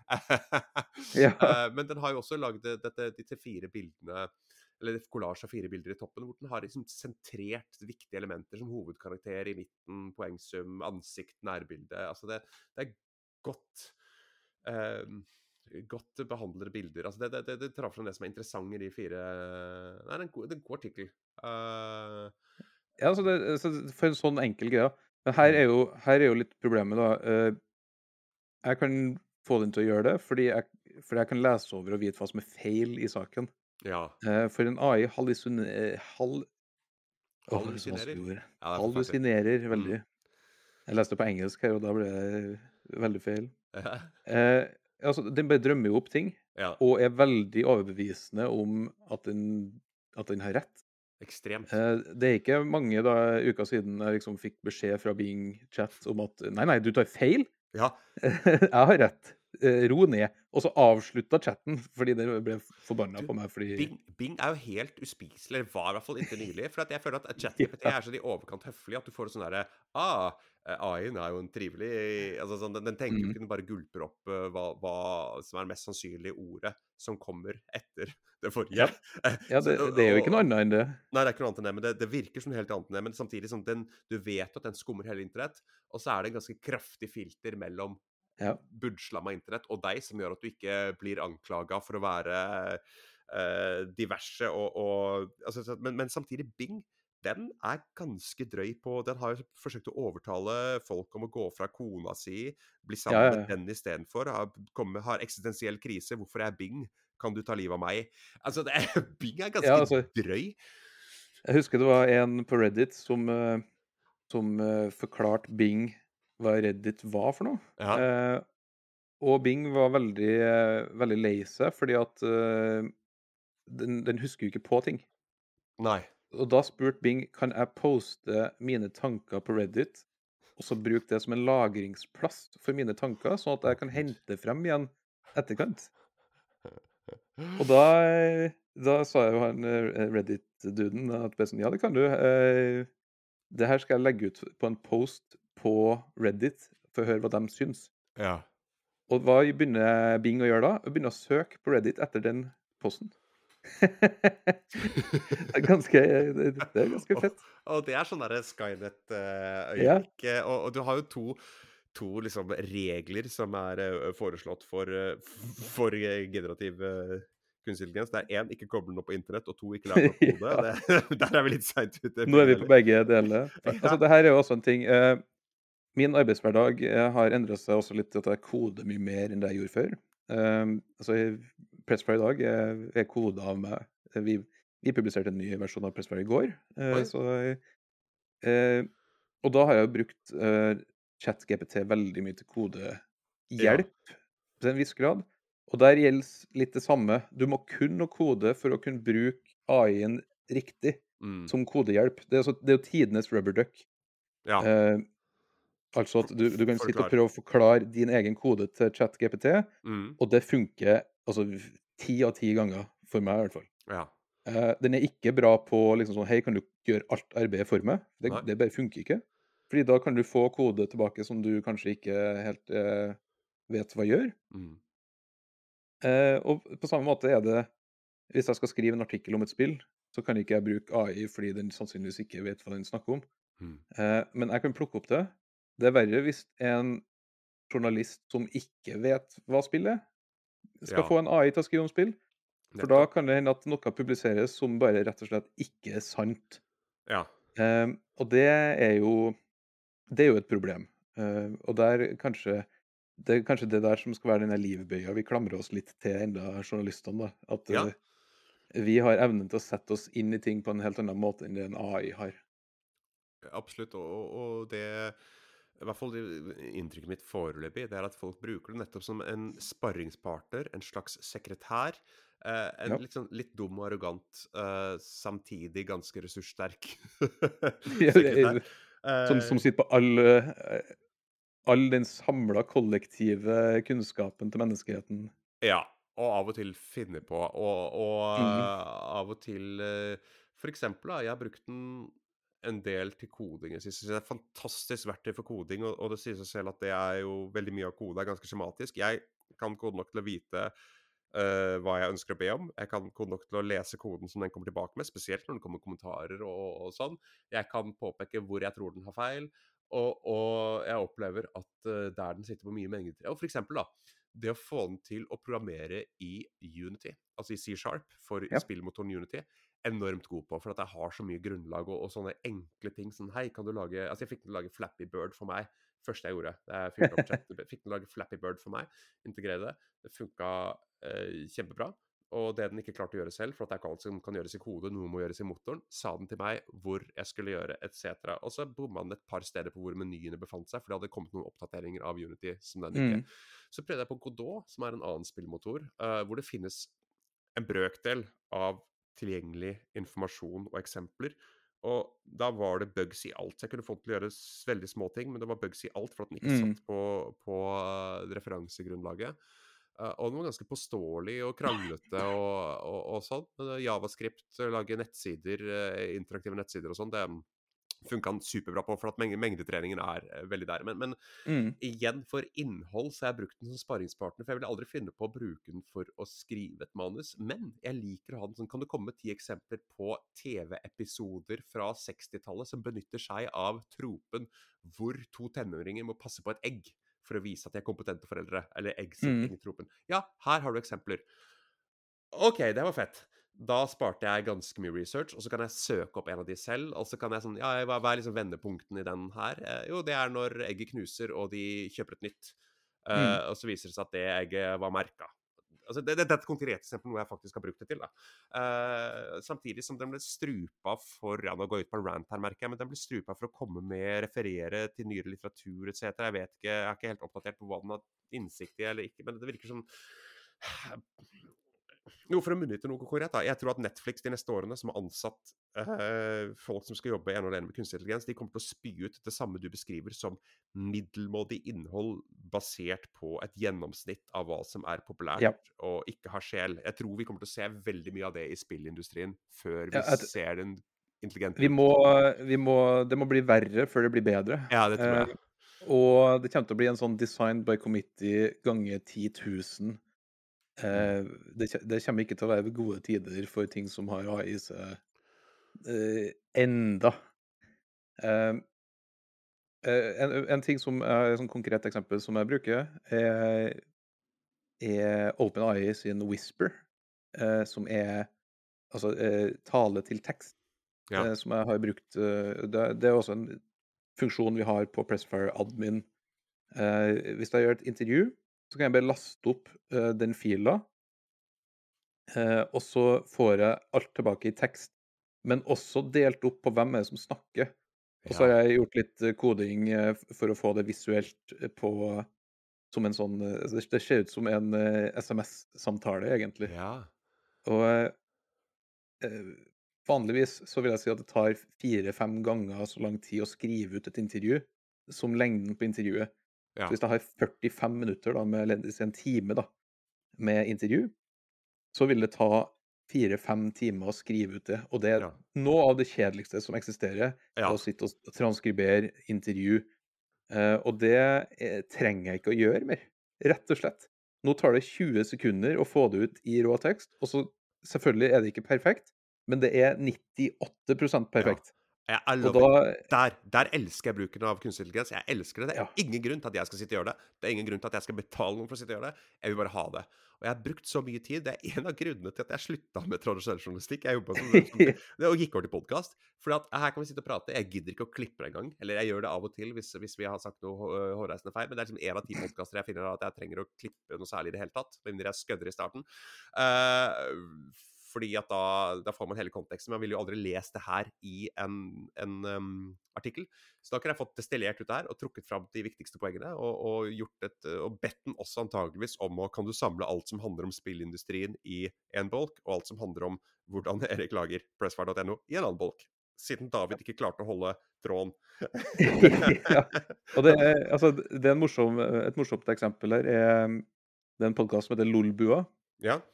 Som eh, De har dytta inn alle sine podkastepisoder i, eh, i eh, Whisper. Og, mm. og fått liksom teksten tilbake, og lagd metadata av det. Ja. Eh, og så dytta det inn som en sånn bot på Discord. ja. Så nå kan folk som er på den Lolbua-discorden, kan si Hva synes Jon Cato om ditt og datt? Så kan den botten si Jon Cato eh, synes ikke noe om sånn og sånn, fordi i episode der og der så snakker han om det, og her får en quote. Og det er, det er ganske festlig. Eh, å trene opp ting på sånn data eh, er også en veldig, veldig god måte å bruke AI på, syns jeg. Men så har du eh, Det er en artikkel som eh, ble publisert på MSN eh? MSN Nyheter. MSN eksisterer ennå, tydeligvis. Det er Ja. veldig gøy. Og det, det, da fikk de AI til å skrive en, eh, en sånn tekst om en eh, basketspiller som hadde eh, dødd.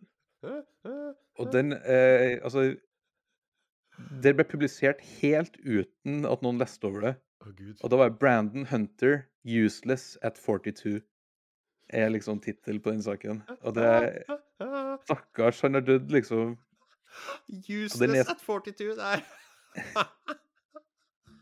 Ja, men det, det er jo grunnen til at man trenger et, et redaksjonelt element, og det vil jeg si uh, i lang, lang Eller det vil jeg håpe. Igjen, veldig mye spekuleringer. Jeg kommer til å brenne meg på sikkert samtlige påstander her, men, men eh, jeg håper jo da at, eh, Ja, ja. at man har et redaksjonelt element som, eh, som kuraterer innhold. For jeg føler også i sånn i hm, Jeg har i hvert fall merka for min del, og jeg vet ikke hvordan det er som deg, at jeg var alle har jo vært negative til sosiale medier. Alle var jo det, men alle bruker det. Og, og jeg, har brukt, jeg har brukt fantastisk mye Facebook og Instagram spesielt. har liksom vært mine. Twitter har jeg helt slutta med. Det, ikke- det kan jeg ikke være. Det stemmer ikke, jeg er ute der og publiserer. X? X, ja. Jeg mener X. det er vel og, og, og, Men Instagram, det Jeg har gradvis fått mindre ut av Instagram og brukt mer tid på det. Altså Det er, det er helt sånn omproporsjonalt. Så jeg ønsker Jeg savner jeg, jeg, jeg savner min ungdoms internett med et kuratert internett hvor en person som jeg det ikke kommer personlig innhold og sier 'dette liker jeg', hvis du er lik, lik som meg, så vil du kanskje like dette, og 'dette er en artikkel jeg har skrevet', og sånn, istedenfor at jeg får masse ting som ish treffer meg, basert på en eh, ganske smart profil, men som, som gjør jeg vet ikke, den der rekursive algoritmen gjør at jeg også begynner å lage innhold for å treffe det som jeg vet blir spredd av algoritmen for å treffe Ja. folk. Og jo mer det, er- eksisterende humor, jo mer treffer det, og jo mindre Det er jo skumle. Det er den skumle bobla Ja. som uh, endelig folk har begynt å bli litt uh, var på. ja. er jo det der at hvis, hvis du oppsøker innhold på internett, så vil du få mer og mer av det innholdet til du ikke får noe annet. ja. Og det er jo Altså, sosiale medier, ja, det har jo en del skylda, men det er jo ikke, det er ikke teknologien sin feil. Det er jo eh, er kynismen som sitter på toppen, som lager Som legger til rette for at folk skal havne inni sånne høl, eh, sånne Ja, hathøl. Og det, altså, det finnes jo eksempler på Facebook der de har testa ut ting eh, for å se om den algoritmen kan få folk til å bli mer hatefulle og sånn. ja. Og det, altså, det er jo det er skumle, skumle, skumle greier. Og, og veldig mye av det hatet veldig mye, altså, Jeg tror alle sammen nå i dag kjenner noen som har ramla utfor kanten. Ja, eh, ja, ja. Takket være liksom den der Facebook-bobla. Å, gud, Eh, ja. Og det det her kommer jo fra maskinlæring og og det at noen har brukt den teknologien til liksom å å bare fyre opp under, eh, det klikk, da. Altså, det det er jo det det handler om til syvende og sist. Man Ja. skal ha mer, eh, reklameinntekter, man må ha mer klikk.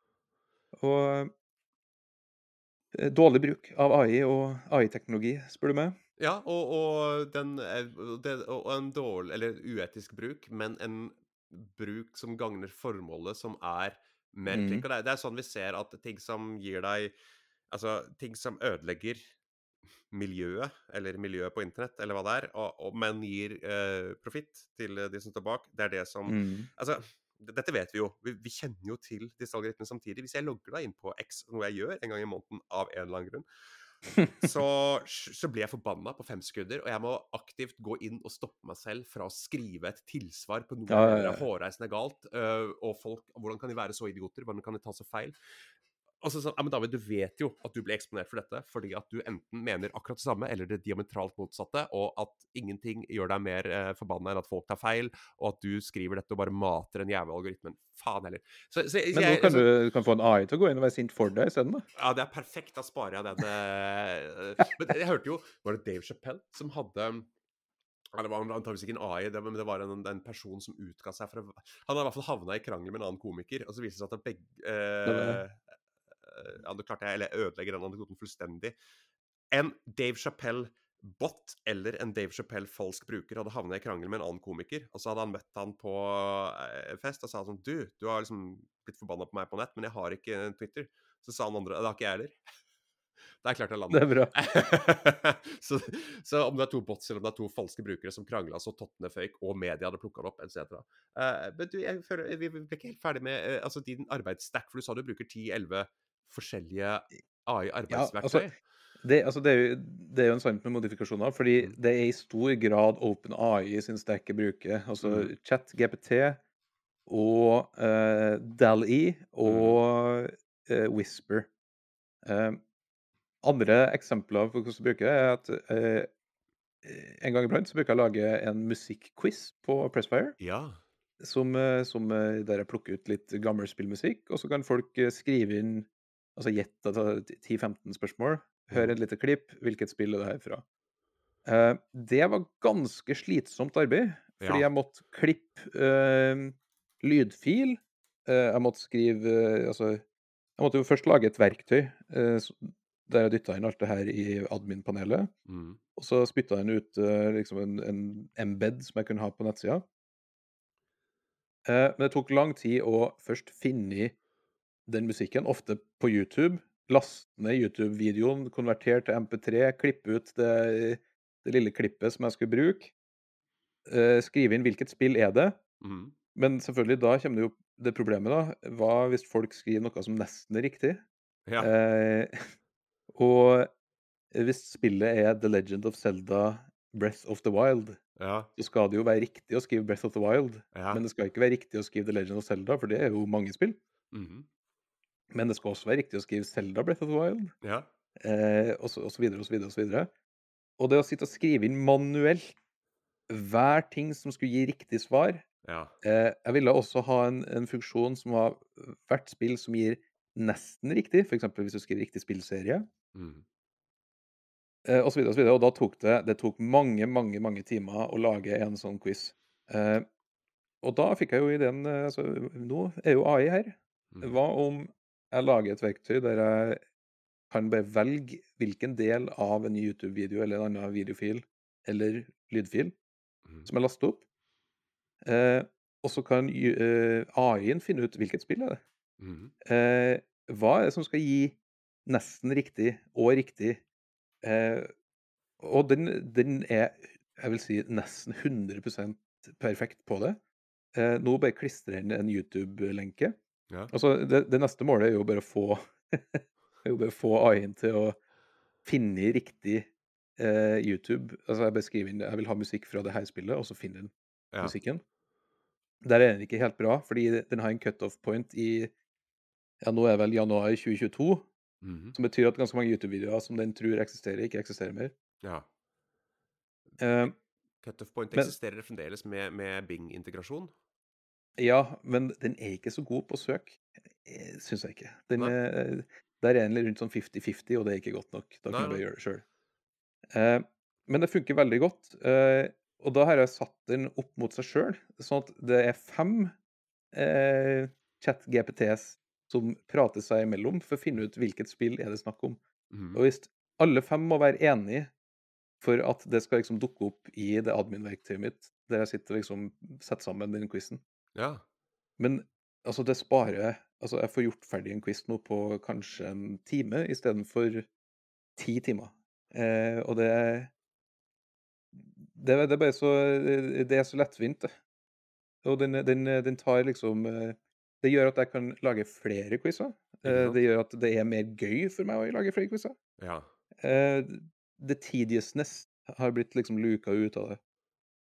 Er det eh, Hvilke verktøy Du sa du lager verktøy. Altså automatiserer Koder du noe der? Er det sånn Da, ko Python? da koder jeg det sjøl. Uh, ja, det det Python. Altså Mesteparten gjør jeg i Javascript, egentlig. Ja. Uh, og der bruker jeg igjen uh, ChatGPT. Uh, jeg bruker ikke den til å skrive kode for meg, Nei. men jeg bruker den til å F.eks. hvis jeg ikke husker på sånn, hvordan jeg gjorde det igjen, Mm. kan jeg bare spørre, og så Ja. får jeg svaret med en gang. Det er mye bedre enn å gå på Stack Overflow Og få og kjeft? få, og få kjeft for at Ja. jeg stiller et spørsmål. fordi det, det spørsmålet er jo noen som har stilt i 2004. Kunne ikke Ja. du bare søkt deg frem til det? Det er sånn, jo, det kunne Ja. Uh, her får jeg bare svaret med en gang. Ja. Uh, og så selvfølgelig er det som vi har snakka om, uh, hallusinering og, og det å Du må jo liksom kikke på det, det eksempelet du får, og se ja, men det her stemmer jo ikke. Eller forklare litt hva du mener med det her. ja. Jeg har også eh, Nå kan du jo laste opp eh, eh, Altså, du kan gi den github-lenka di, liksom, og så går den gjennom koden din. Eh, det funker ikke kjempebra enda, Nei. men vi begynner å komme dit. altså, Der liksom den kan si at ja, du har en feil i den fila som Ja. gjør at den andre fila ikke sannsynligvis kommer til å funke. Og det er altså tidsbesparende, så det synger etter. Ja, ja, ja. Eh, altså, i, i, når det kommer til kode, det er det jeg har funnet at den er på sitt beste, altså. Og, og Mm. også litt sånn hjernedødt tekstarbeide. For eksempel kan du forkorte, eller kan du uh, Ja, for eksempel, da. Uh, vi har snakket om å opptre som redaksjonelt element, eller rett og slett redaktør, som det heter, overfor mm. noe som er produsert av kunstig intelligens, men det kan også brukes motsatt. Jeg kan Jeg skrev en artikkel, jeg sender den inn i ChatGPT, og sånn der Ja, kan du Ja, her har du brukt uh, veldig mange gjentagelser. Hva med å friske opp språket ditt litt ved å bruke mm. disse ordene som variasjon? Jeg syns det er et godt g- Igjen, god bruk av det gjør det bedre. Det gjør meg bedre, for at jeg, jeg leser jo over hva den har skrevet. Jeg blir bevisst på egne Jeg blir en bedre koder av å bruke ChatGPT. Ikke for at jeg skal ha den til å gjøre alt for meg, for det liker jeg ikke. Jeg liker å bruke det som sparringspartner, lage Ja. subrutiner, gå inn og se på de, tweake på de, etc. Så jeg har en, en kompetent kollega som ikke blir lei av meg, er det jeg føler jeg har. ja. Eh, Det er, det er ikke det. Og jeg bruker den også til å finne synonymer og sånn. Og Ja. eh, jeg skal eh, En av eh, mine En av mange failings eh, er at jeg ikke greier å finne norske ord på ting innimellom. en failing. Og- klassisk failing. En klassisk failing. Altså, det er Jeg har ikke tall på hvor mange ganger jeg har vært på Google Translate og skrevet inn et ord på engelsk bare for å få den norske versjonen. Altså, uff. Men nå, nå kan jeg bare gjøre det i chat-GPT isteden. ja. Og hvordan ville du ha formulert det her på norsk? Eh, altså selvfølgelig skal man ikke gå i den fella med å bare liksom oversette ting fra engelsk, men det, det er veldig kjekt å få Altså Det som du sier, det er en kollega som ikke blir lei av det. Ja. Eh, jeg, kan stille, jeg kan stille dumme spørsmål mm. og få glupe svar eh, som, som må gjennom et filter eh, i din egen hjerne da, til å Ja. Vite hva som funker og ikke funker. Jeg syns det du Men nevner det- med quizen, er et perfekt eksempel igjen på, på altså Det er ting jeg syns er god bruk av AI, og dårlig bruk, og, og skummel bruk, og, og fin bruk. Og det er selvfølgelig basert på mine begrensninger og mine, mine etiske filtre. Men det å bruke det til å lage en quiz, det er noe av det favorittinnholdet mitt på Jeg går, spiller alltid Pressfire-quizene. De har de musikk-quizene og sånn. Og, og, og øh, du føler at det sitter et menneske bak, men at du sparer ti timer eller ni timer på, på manuelt drittarbeid, det, det er jo bare en glede. For at som enkeltperson så var det, da var det den artikkelen som kom ut den dagen, eventuelt de to dagene. Nå Mm. kan jeg som konsument øh, få lese flere artikler. i samme Yes. periode for at du er frigjort. Eh, Er det noen flere ting du kan bruke kunstig intelligens til i ditt yrke som, Ja. som journalist? også Og så kan vi problematisere det litt, for at da føler jeg vi har vært eh, ganske positive. Men hvor, hvor, hva er utfordringen i ditt yrke? Nei, altså, eh, en annen En annen bruksområde som jeg, eh, som jeg har, er at uh, jeg har jo gjennom mange år samla masse RSS-filer fra uh, forskjellige nettsteder som jeg følger. Mm. Uh, også i jobb, jobbsammenheng. Eh, og hver morgen når jeg går og setter meg på, på PC-en og skal liksom oppdatere meg på det som har skjedd i løpet av natta Fordi altså, bransjen min eh, foregår i stor grad i USA. Ja. Så ti- ting skjer liksom på, på natta i Ja. norsk tid. Eh, og så har jeg en liste på flere hundre liksom, nett, eh, altså artikler som har blitt skrevet mens jeg lå og sov. ja. Og det, Før så har jeg jo sittet med kaffekoppen og bladd gjennom og bladd gjennom bladd gjennom, og sett liksom på overskrifter og ja. lest og, og e-post og sånn her. Eh, den siste funksjonen som jeg har nå, er bare få en oppsummering over det som har skjedd. Her er liksom 200 overskrifter. ja. Hva, hva mener du Altså, så har jeg sagt, satt inn noe sånn eh, I den initial prompten altså så har jeg satt inn et par ting som liksom jeg mener er viktig å få frem. ja. For eksempel hvis det, hvis det handler om politikk, hvis det handler om noe som har skjedd i Norge, hvis det eh, så litt mer som bransjenyheter. Mhm. Ikke bare sånn uh, nytt Mario-spill kommer ut i neste uke. Uh, og så får jeg en sånn destillert versjon. ja. Her er liksom, det, det er tre saker som jeg tror kan være interessant for deg å kikke litt nærmere på. ja. Her er lenke til dem. Uh, og det sparer også veldig mye tid. Eh, men der kan den jo drømme opp noe. Eller den kan, den kan skippe over ting som er veldig viktig. Eh, så det må man, man må ta med klype salt, alt som AI gjør, egentlig. Ja. Men det igjen, det er litt som han juniorassistent. eh, Ja. Som eh, Hei, kan du kan du eh, gå ut og kjøpe jordbær på Kiwi? Så kommer de tilbake sånn Nei, de hadde ikke. Ja, men for faen, gå på Rema. Så du må liksom jobbe litt med de. Lære de litt opp. Og, og, og eh, Nei, men eh, hva, hva tror du det store, store Hva er utfordringen? Hva, hva, kan, hva kan skje i journalistikk, og hva kan skje med Pressfire, eller mot Pressfire, eh, hvis uh, spol fremover tre år? Hva, hva kan være den uheldige siden av det her? Jeg tror ikke det er så veldig mange uheldige sider nå i de neste tre årene. Men eh, det er litt sånn når man skal spå AI eh, Og jeg, kanskje spesielt vi som har fulgt med på spillbransjen. da, mm. fordi her, altså Spillbransjen har jo gått like kjapt som det AI holder på med holder på å gå nå. Ja. Eh, og det har jo vært eh, altså, kvantesprang igjen og igjen og igjen i spillbransjen. Mm. Eh, og du skal, du skal være ganske konservativ hvis du kikker på det spillbransjen har gjort, og så sier du nei, det her er problematikk som ikke blir løst eh, de neste årene. Ja. Eh, så de utfordringene vi har med AI nå, kommer sannsynligvis til å bli fiksa eh, innen forholdsvis kort tid. ja. Men samtidig så vil jo AI altså Det vil ta over mer og mer ting. Altså Vi snakker jo allerede altså Vi har jo snakka om eh, selvkjørende biler nå i, i hvor mange år? Og den teknologien som driver den, er jo AI-teknologi. ja. Nå når resten av verden har fått øynene opp for at AI er liksom fremtida, ja. så, så vil jo den teknologien gå veldig mye fortere fremover òg. Eh, hva skjer når transportbransjen ikke lenger er en plass du kan jobbe? ja. Eh, det er en av de største sektorene som er i verden. Eh, Det var den vi forventa skulle forsvinne, som du sa innledningsvis. Det var den, var transportbransjen, var logistikk. Der jeg, i hvert Ja. fall, og jeg tror veldig mange med meg, for, forventa at det skulle endres eh, fortest. Fordi også du har personer som Elon Musk, som har en viss eh, gjennomføringsevne, som har lagd mm, eh, selvkjørende eh, biler som har fungert i ti år. ja, ja. Eh, det er lovverket som har stått i veien der, og det er jeg ikke negativ til. Jeg vil gjerne ha et veldig Men, men da jeg var i San Francisco eh, for nøyaktig ett år siden, eh, i det, as we speak, så Mm. så jeg Waze, og, mm. uh, uh, som, var, som er Googles uh, Waze er Googles selvkjørende verktøy, ikke det? Eller? eller? Eh, jeg sier ja.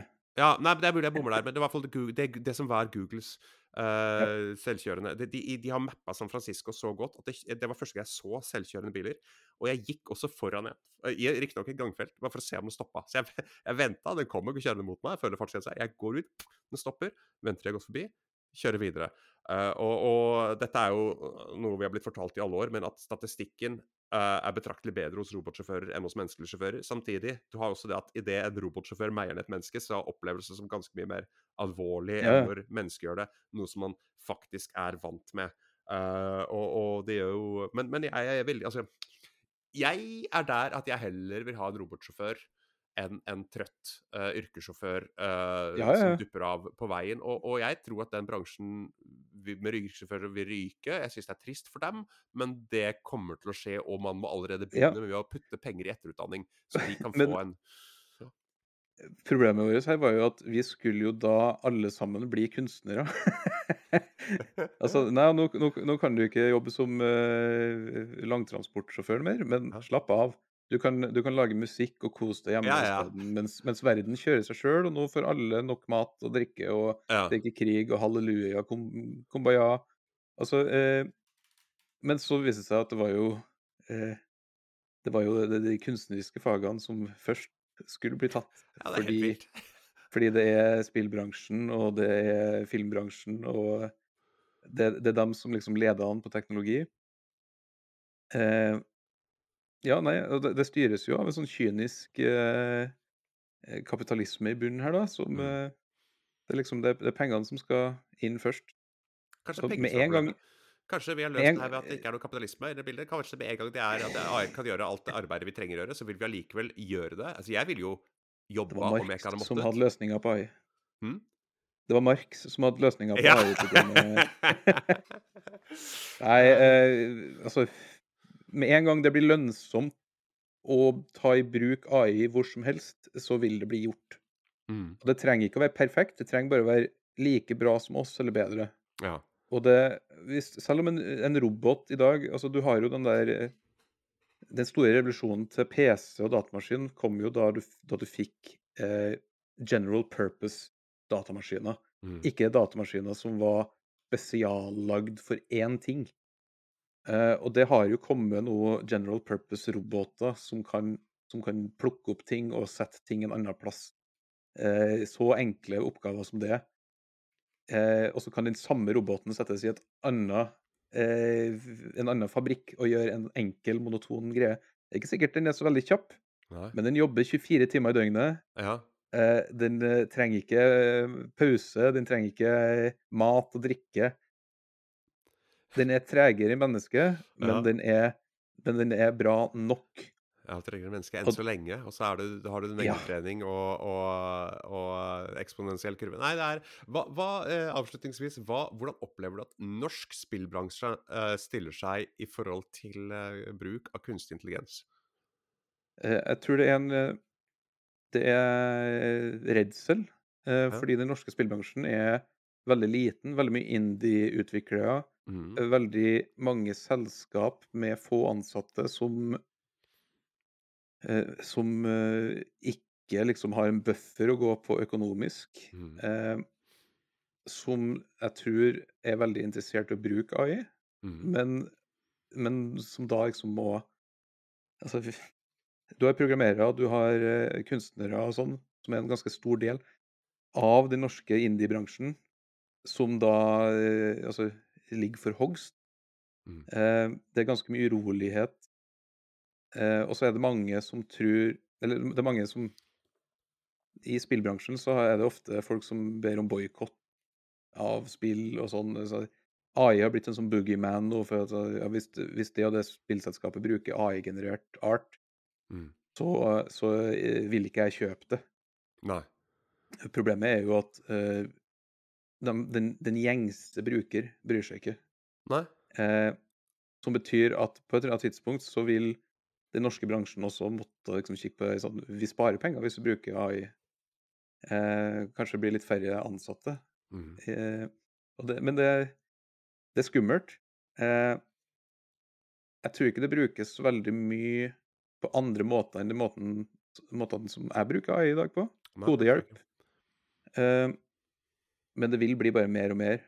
og den norske spillbransjen må også på et eller annet tidspunkt bare liksom Vi må følge med på det som resten av verden gjør. Det er jo en slags sånn slippery slope-tankegang. Igjen, det mangler et norsk, uh, norsk En, en glatt bakke? Glatt, det er et klassisk glatt bakke-scenario. Hvor du, altså, hvorfor skal ikke en koder som sliter med å stange hodet i veggen med at noe er feil i koden, bare paste den subrutina inn i ChatGPT og få Ja, dette er svaret, for at du gjør minnehåndteringsfeil, eller du gjør det der. Ah, nettopp. Du, OK veldig mange utviklere vil være komfortable med at det er en god bruk av uh, kunstig intelligens. Noen vil sikkert nekte å gjøre det, men da havner de på Stack Overflow eller bruker mange timer på å løse noe som kan brukes ti sekunder på å løse. Men med en gang du har brukt det til det, så kan du bruke det til noe annet også. Hvorfor kan jeg ikke bruke kunstig intelligens til å bare få litt bakgrunnsdialog på disse karakterene? Jeg er ingen tekstforfatter, kan noen sitte selv, og så, på så får du noe sånn generisk bakgrunnsdialog som funker helt fint og i mengde. Du får ti variasjoner av noe som du kan putte inn. Ja, greit, har du mm. gjort det? Ja, jeg trenger bare en tekstur her. Lag et bakgrunnsbilde. Det er ikke så viktig å bruke tiden til vår ene grafiker på, for den sliter med å jobbe med yep. gjøre ferdig hovedkarakterene. Da du, altså, så, så, på et eller annet tidspunkt så bruker, altså, bruker du generativ fill i Photoshop bruker du rett og slett lassomarkeringsverktøyet, eller i hvert fall tilsvarende verktøy. Så eh, velge ut karakterobjekt etc. i Photoshop, så bruker du kunstig intelligens. Hvor går grensa? Hvor, skal du være en purist? Skal du ikke bruke ja, det? Ja, det hele tatt? det. Mm jeg tror det er mange som sitter i rolig i båten akkurat nå, fordi AI har et dårlig rykte innad i, i spillutviklerbransjen. Mm. Uh, litt sånn som NFT hadde uh, nå for et års tid siden. Ja. Og altså NFT døde jo helt ut, og det er helt greit. Ja, det, er det, er kanskje, det, er kanskje, noen som sitter og liksom håper litt på at AI-praten skal gjøre det samme. Det kommer ikke til å skje. Nei. Eh, samtidig så er det eh, Det er såpass negativt nå at eh, eh jeg tror det er mange som ikke går i den AI-veien fordi eh, det kan gi Altså for et lite indiespill da, som går ut og sier vi har brukt masse AI-skitt, eh, det kan gjøre at folk blir veldig negative til liksom den utvikleren og spillene deres ja. i dag. Men på samme måte var det et problem f.eks. for, for to-tre år siden, da Epic Games Store kom ut, som skulle liksom ta opp kampen med Steam, mm. altså den største spill-nettbutikkplassen. Eh, og så gikk de og henta masse eksklusive deals med utviklere.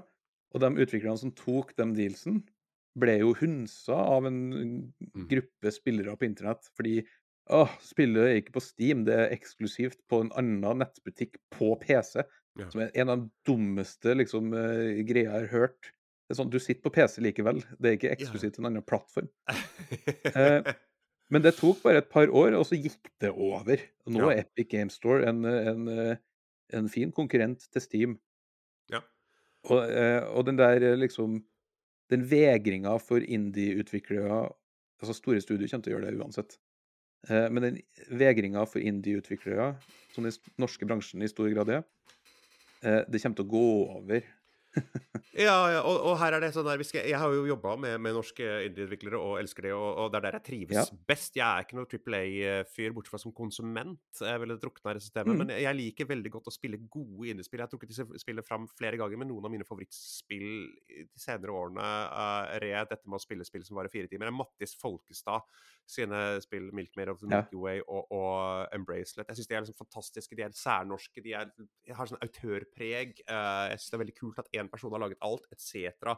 Eh, helstøpt og, og, mm, og, og, autentiske små spilluttrykk. Og det, det fantastisk. Men eh, jeg vil også si, hvis jeg skal komme, sleis, hvis jeg skal komme et lite sleivspark til norsk indie-spillbransje, så er det veldig mye, i hvert fall så jeg på Spillkonvent i fjor, jeg var der ikke i år, eh, hvor det var fryktelig mye Metroidvania, Arkanoid-aktige altså Folk har rett og slett bare lagd en sånn derre versjon av spillet de selv vokste opp med som barn, uten å tilføre noe nytt, med et slags sånn generisk pixelart-uttrykk uh, som er basert på en Udemy-tutorial med enkel Unity-oppsett, som er også basert på en Unity-tutorial. Så alle, veldig, veldig veldig mange indie-folk lager noe som ser fullstendig likt ut. Eller rett og slett et sånn derre yeah. Men det er ikke det her problemet innenfor alle creative arts, altså film, nye, nye film-hotshots som skal lage film, har lyst til å lage en ny Pulp Fiction. Jo, jo, jo, absolutt. Pulp. Fiction var fett. Uh, Men terskelen for Altså, å lage spill er såpass lav, da, at hvis du Du, du trenger ikke det trenger ikke koste en krone. Du kan bare laste Nei, ned et par altså- tutorials på Og så kan du laste ned Acebrite og Unity og uh, FL Studio, så kan du lage noe, og så tar du et par tutorials og lager noe som eh, i stor grad ser veldig likt ut. Og, og det er jo akkurat det lille markedet der av sånne der Metrovania-aktige spill som sier pling ploink, og som har søt pixel-estetikk som er 90% generisk. Det kan maskinen lage like godt som en generisk eh, spillutvikler. Det, det tror jeg, altså. Kanskje det, men, Ja. men eh, kanskje et viktig step for en uh, vordende spillutvikler er jo å gå igjennom den der litt uh, shitty fasen til å begynne med. Men uh, altså, det er, den for, det er jo den forskjellen på indie games og A, trippel A-studio. Mm. er jo at uh, Ofte så er jo de som jobber i trippel A-studio, er jo ikke involvert i den kreative prosessen i det hele tatt, Nei. egentlig. Det er mer jobb. Altså, et nytt Assassin's Creed-spill kan fort ha en 3000-4000 utviklere Ja. som, eh, som er med å lage det. Uh, og det sier jo seg sjøl at når du sitter og har lagd krukke i, i tre år Mm. eh, Fordi det skal, det skal være 18 forskjellige krukketing Ja. som, skal, som skal gå i stykker på den og den måten, osv., osv. Så, videre. så så er det mer en jobb på en annen måte enn den der eh, altså, den der klassiske indie-yndlingen som har, som har hatt en visjon, og som har gjort alt i spillet, så å si. Og så tok det 15 år å lage det spillet. Ja, ja.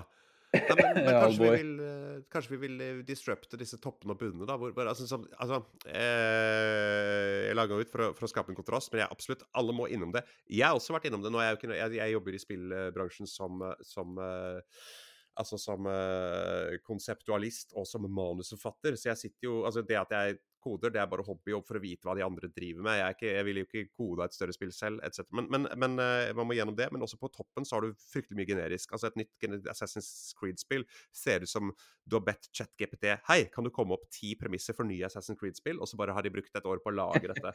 Det, det virker jo rett og slett sånn. Og jeg, jeg er en som syns det er greit å spille det. Jeg liker jeg spiller alle sammen. Men det er mye generisk på toppen også. Uh, Ja da.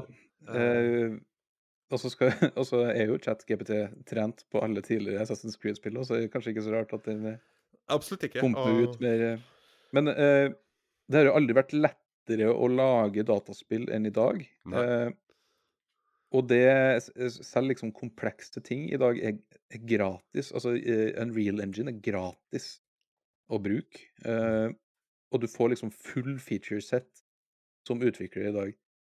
Eh, altså selvfølgelig, det betyr ikke at det blir bra spill for det, men det, all den der iterasjonen som har vært i spillbransjen frem til i dag, mm. har jo i stor grad vært uten AI, men det har gjort ting lettere og lettere og lettere. Mm. Og det eh, tror jeg AI kommer til også å hjelpe til med fremover. Altså lydeffekter, da. Én ting er jo altså å gå og samle lydeffekter fra en virkelig verden, Mm. er jo eh, Det er jo noe som uh, sound engineers gjør uh, hele tida. Går og samler lyder. Men så skal det liksom lages variasjoner av hver lyd. Eh, så, sånne ting. Det kan, det, det kan gjøres automatisk i dag. Og det, det er ingen som ser negativt på det. Nei. Ikke sant. Så, så hva, om, hva, om du kan, hva om du kan blande inn bare litt sånn generiske lyder som AI også bare har lagd? Ja. Altså stein som ruller ned en bakke. Ja. Eh, skal man gå ut i skogen og rulle stein ned bakken, eller skal man bare få AI til å generere det? ja ja, Og så kan man heller ta opp litt sånn mer fancy lyder som man eh, Altså eh, Det var en, en amerikansk eh, lyddesigner i, eh, som bodde i Norge, som het eh, Jory Plum. Han brukte å gå rundt og ta opp lyd. Og han brukte sånn Han var besøkt Oslo, og da syntes han det var en så kul lyd på T-banen. Så han tok opp den, og den er med i spill eh, som han liksom har vært med og produsert. Han jobba for LucasArts. Og, Oi. eh, og da eh, det, det, Sånne ting ka- kan kanskje ikke en AI generere. Den vet ikke hvordan en T-bane akkurat i Oslo høres ut. Nei, og der er en person som har sittet der og, og, og sittet og fått en følelse og tenkt at dette yeah. her er- og, og den, uh, dette her høres kult ut, jeg har lyst til å lage det. Det, det danner jo grunnlaget for et nytt uh, AI-kartotek, men, men altså det er Jo, sånn, det, det er sant. Men eh, eh, Jakob Trigger da- eh, lagde jo Flåklypa Grand Prix-lyden med den trinnløse Reodor Felgen-bilen El Tempo Gigante, og den ble brukt som Star Wars Podracer eh, eh, lyden i eh, hva heter det? Phantom Menace, faktisk. Mm. Og har blitt brukt i av spillene siden. Så det er lagd en garasje på Frogner på 70-tallet. Ja, ja. Men, men altså, jeg tror jo det vil fortsatt vil være et øh, Det var liksom poenget mitt. da. Jeg tror det går an å blande da. Ja. Å bruke AI til å generere enkelte ting, og det å fortsette å gjøre den jobben du gjør i dag. Den kule delen av det, i hvert fall. Denne syntesen er jo det jeg er interessert i, og det er det du allerede bedriver. Øh, bare sånn avslutningsvis, hvor mange timer grovt sett sparer du deg selv i måneden på bruk av uh, kunstig intelligensverktøy? Eventuelt hvor mye mer produktiv er du hvis du kan sette en eller annen form for tallfester på noen som helst måte? Hvis det er, øh, altså, rent journalistisk, og det som jeg jobber med i Pressfire, så, så vil jeg si at jeg sparer sikkert en 40-50 timer hver, hver måned. Ja. Ikke sant. Og det er ganske mye, det. Det er ganske Eh, mye. Til å være, til å være liksom bare i startgruppa. Ja. Altså, hvem vet hva det neste liksom eh, Altså, jeg elsker å sitte og tinkle litt med, med AI og liksom prøve å finne ut hva kan jeg bruke det til. Så er det ikke alt som liksom kan brukes på Pressfire, kanskje, men eh, det, er, det er ganske mye sånn småtteri. Altså, jeg, etter jeg lærte meg å kode eh, skikkelig, så, så er det jo lettere liksom bare sånn eh, Hvis jeg irriterer meg over en ting på Pressfire som jeg jobber med i admin-panelet, f.eks., Ja. så, så kan jeg bare lage det sjøl nå, med hjelp av AI. Og det går, det går så mye kjappere, også. Det gjør det. Ja. ja men jeg vil si 40-50 timer i måneden, det er eh, Det kan være avgjørende for en liten bedrift det, på én person å Ja, hente inn det. Så da vil jeg rett og slett si tusen takk for at du kunne komme og lære oss litt om hvordan man bruker eh, AI i journalistikk, redaksjonelt, og også dine prognoser for eh, hva som vil skje i spillbransjen framover. Uh, Erik sitt arbeid finner du hovedsakelig på pressfire.no. Og gå inn der, kjøp en romaskin i annonsene. Han sier jeg lå i live et år til på den måten. Det var det vi hadde i denne episoden. Podkasten David og AI er støttet av Fritt Ord og produseres av meg her på strutsefjøset mitt på Høylandet i Nord-Trøndelag. Vi lager totalt ti episoder i denne omgang som handler om hvordan jeg og du, kjære lytter, kan lære oss å bruke kunstig intelligens som arbeidsverktøy for å gjøre oss selv relevant i arbeidsmarkedet fremover, og hvordan vi bør orientere oss i framtiden. Legg igjen en anmeldelse på der du hører podkast hvis du har lyst. og Kom tilbake neste. Spre det til de andre som kunne tenke seg å høre på det. Du, ja, du vet hvordan du gjør det. Vi høres i neste episode.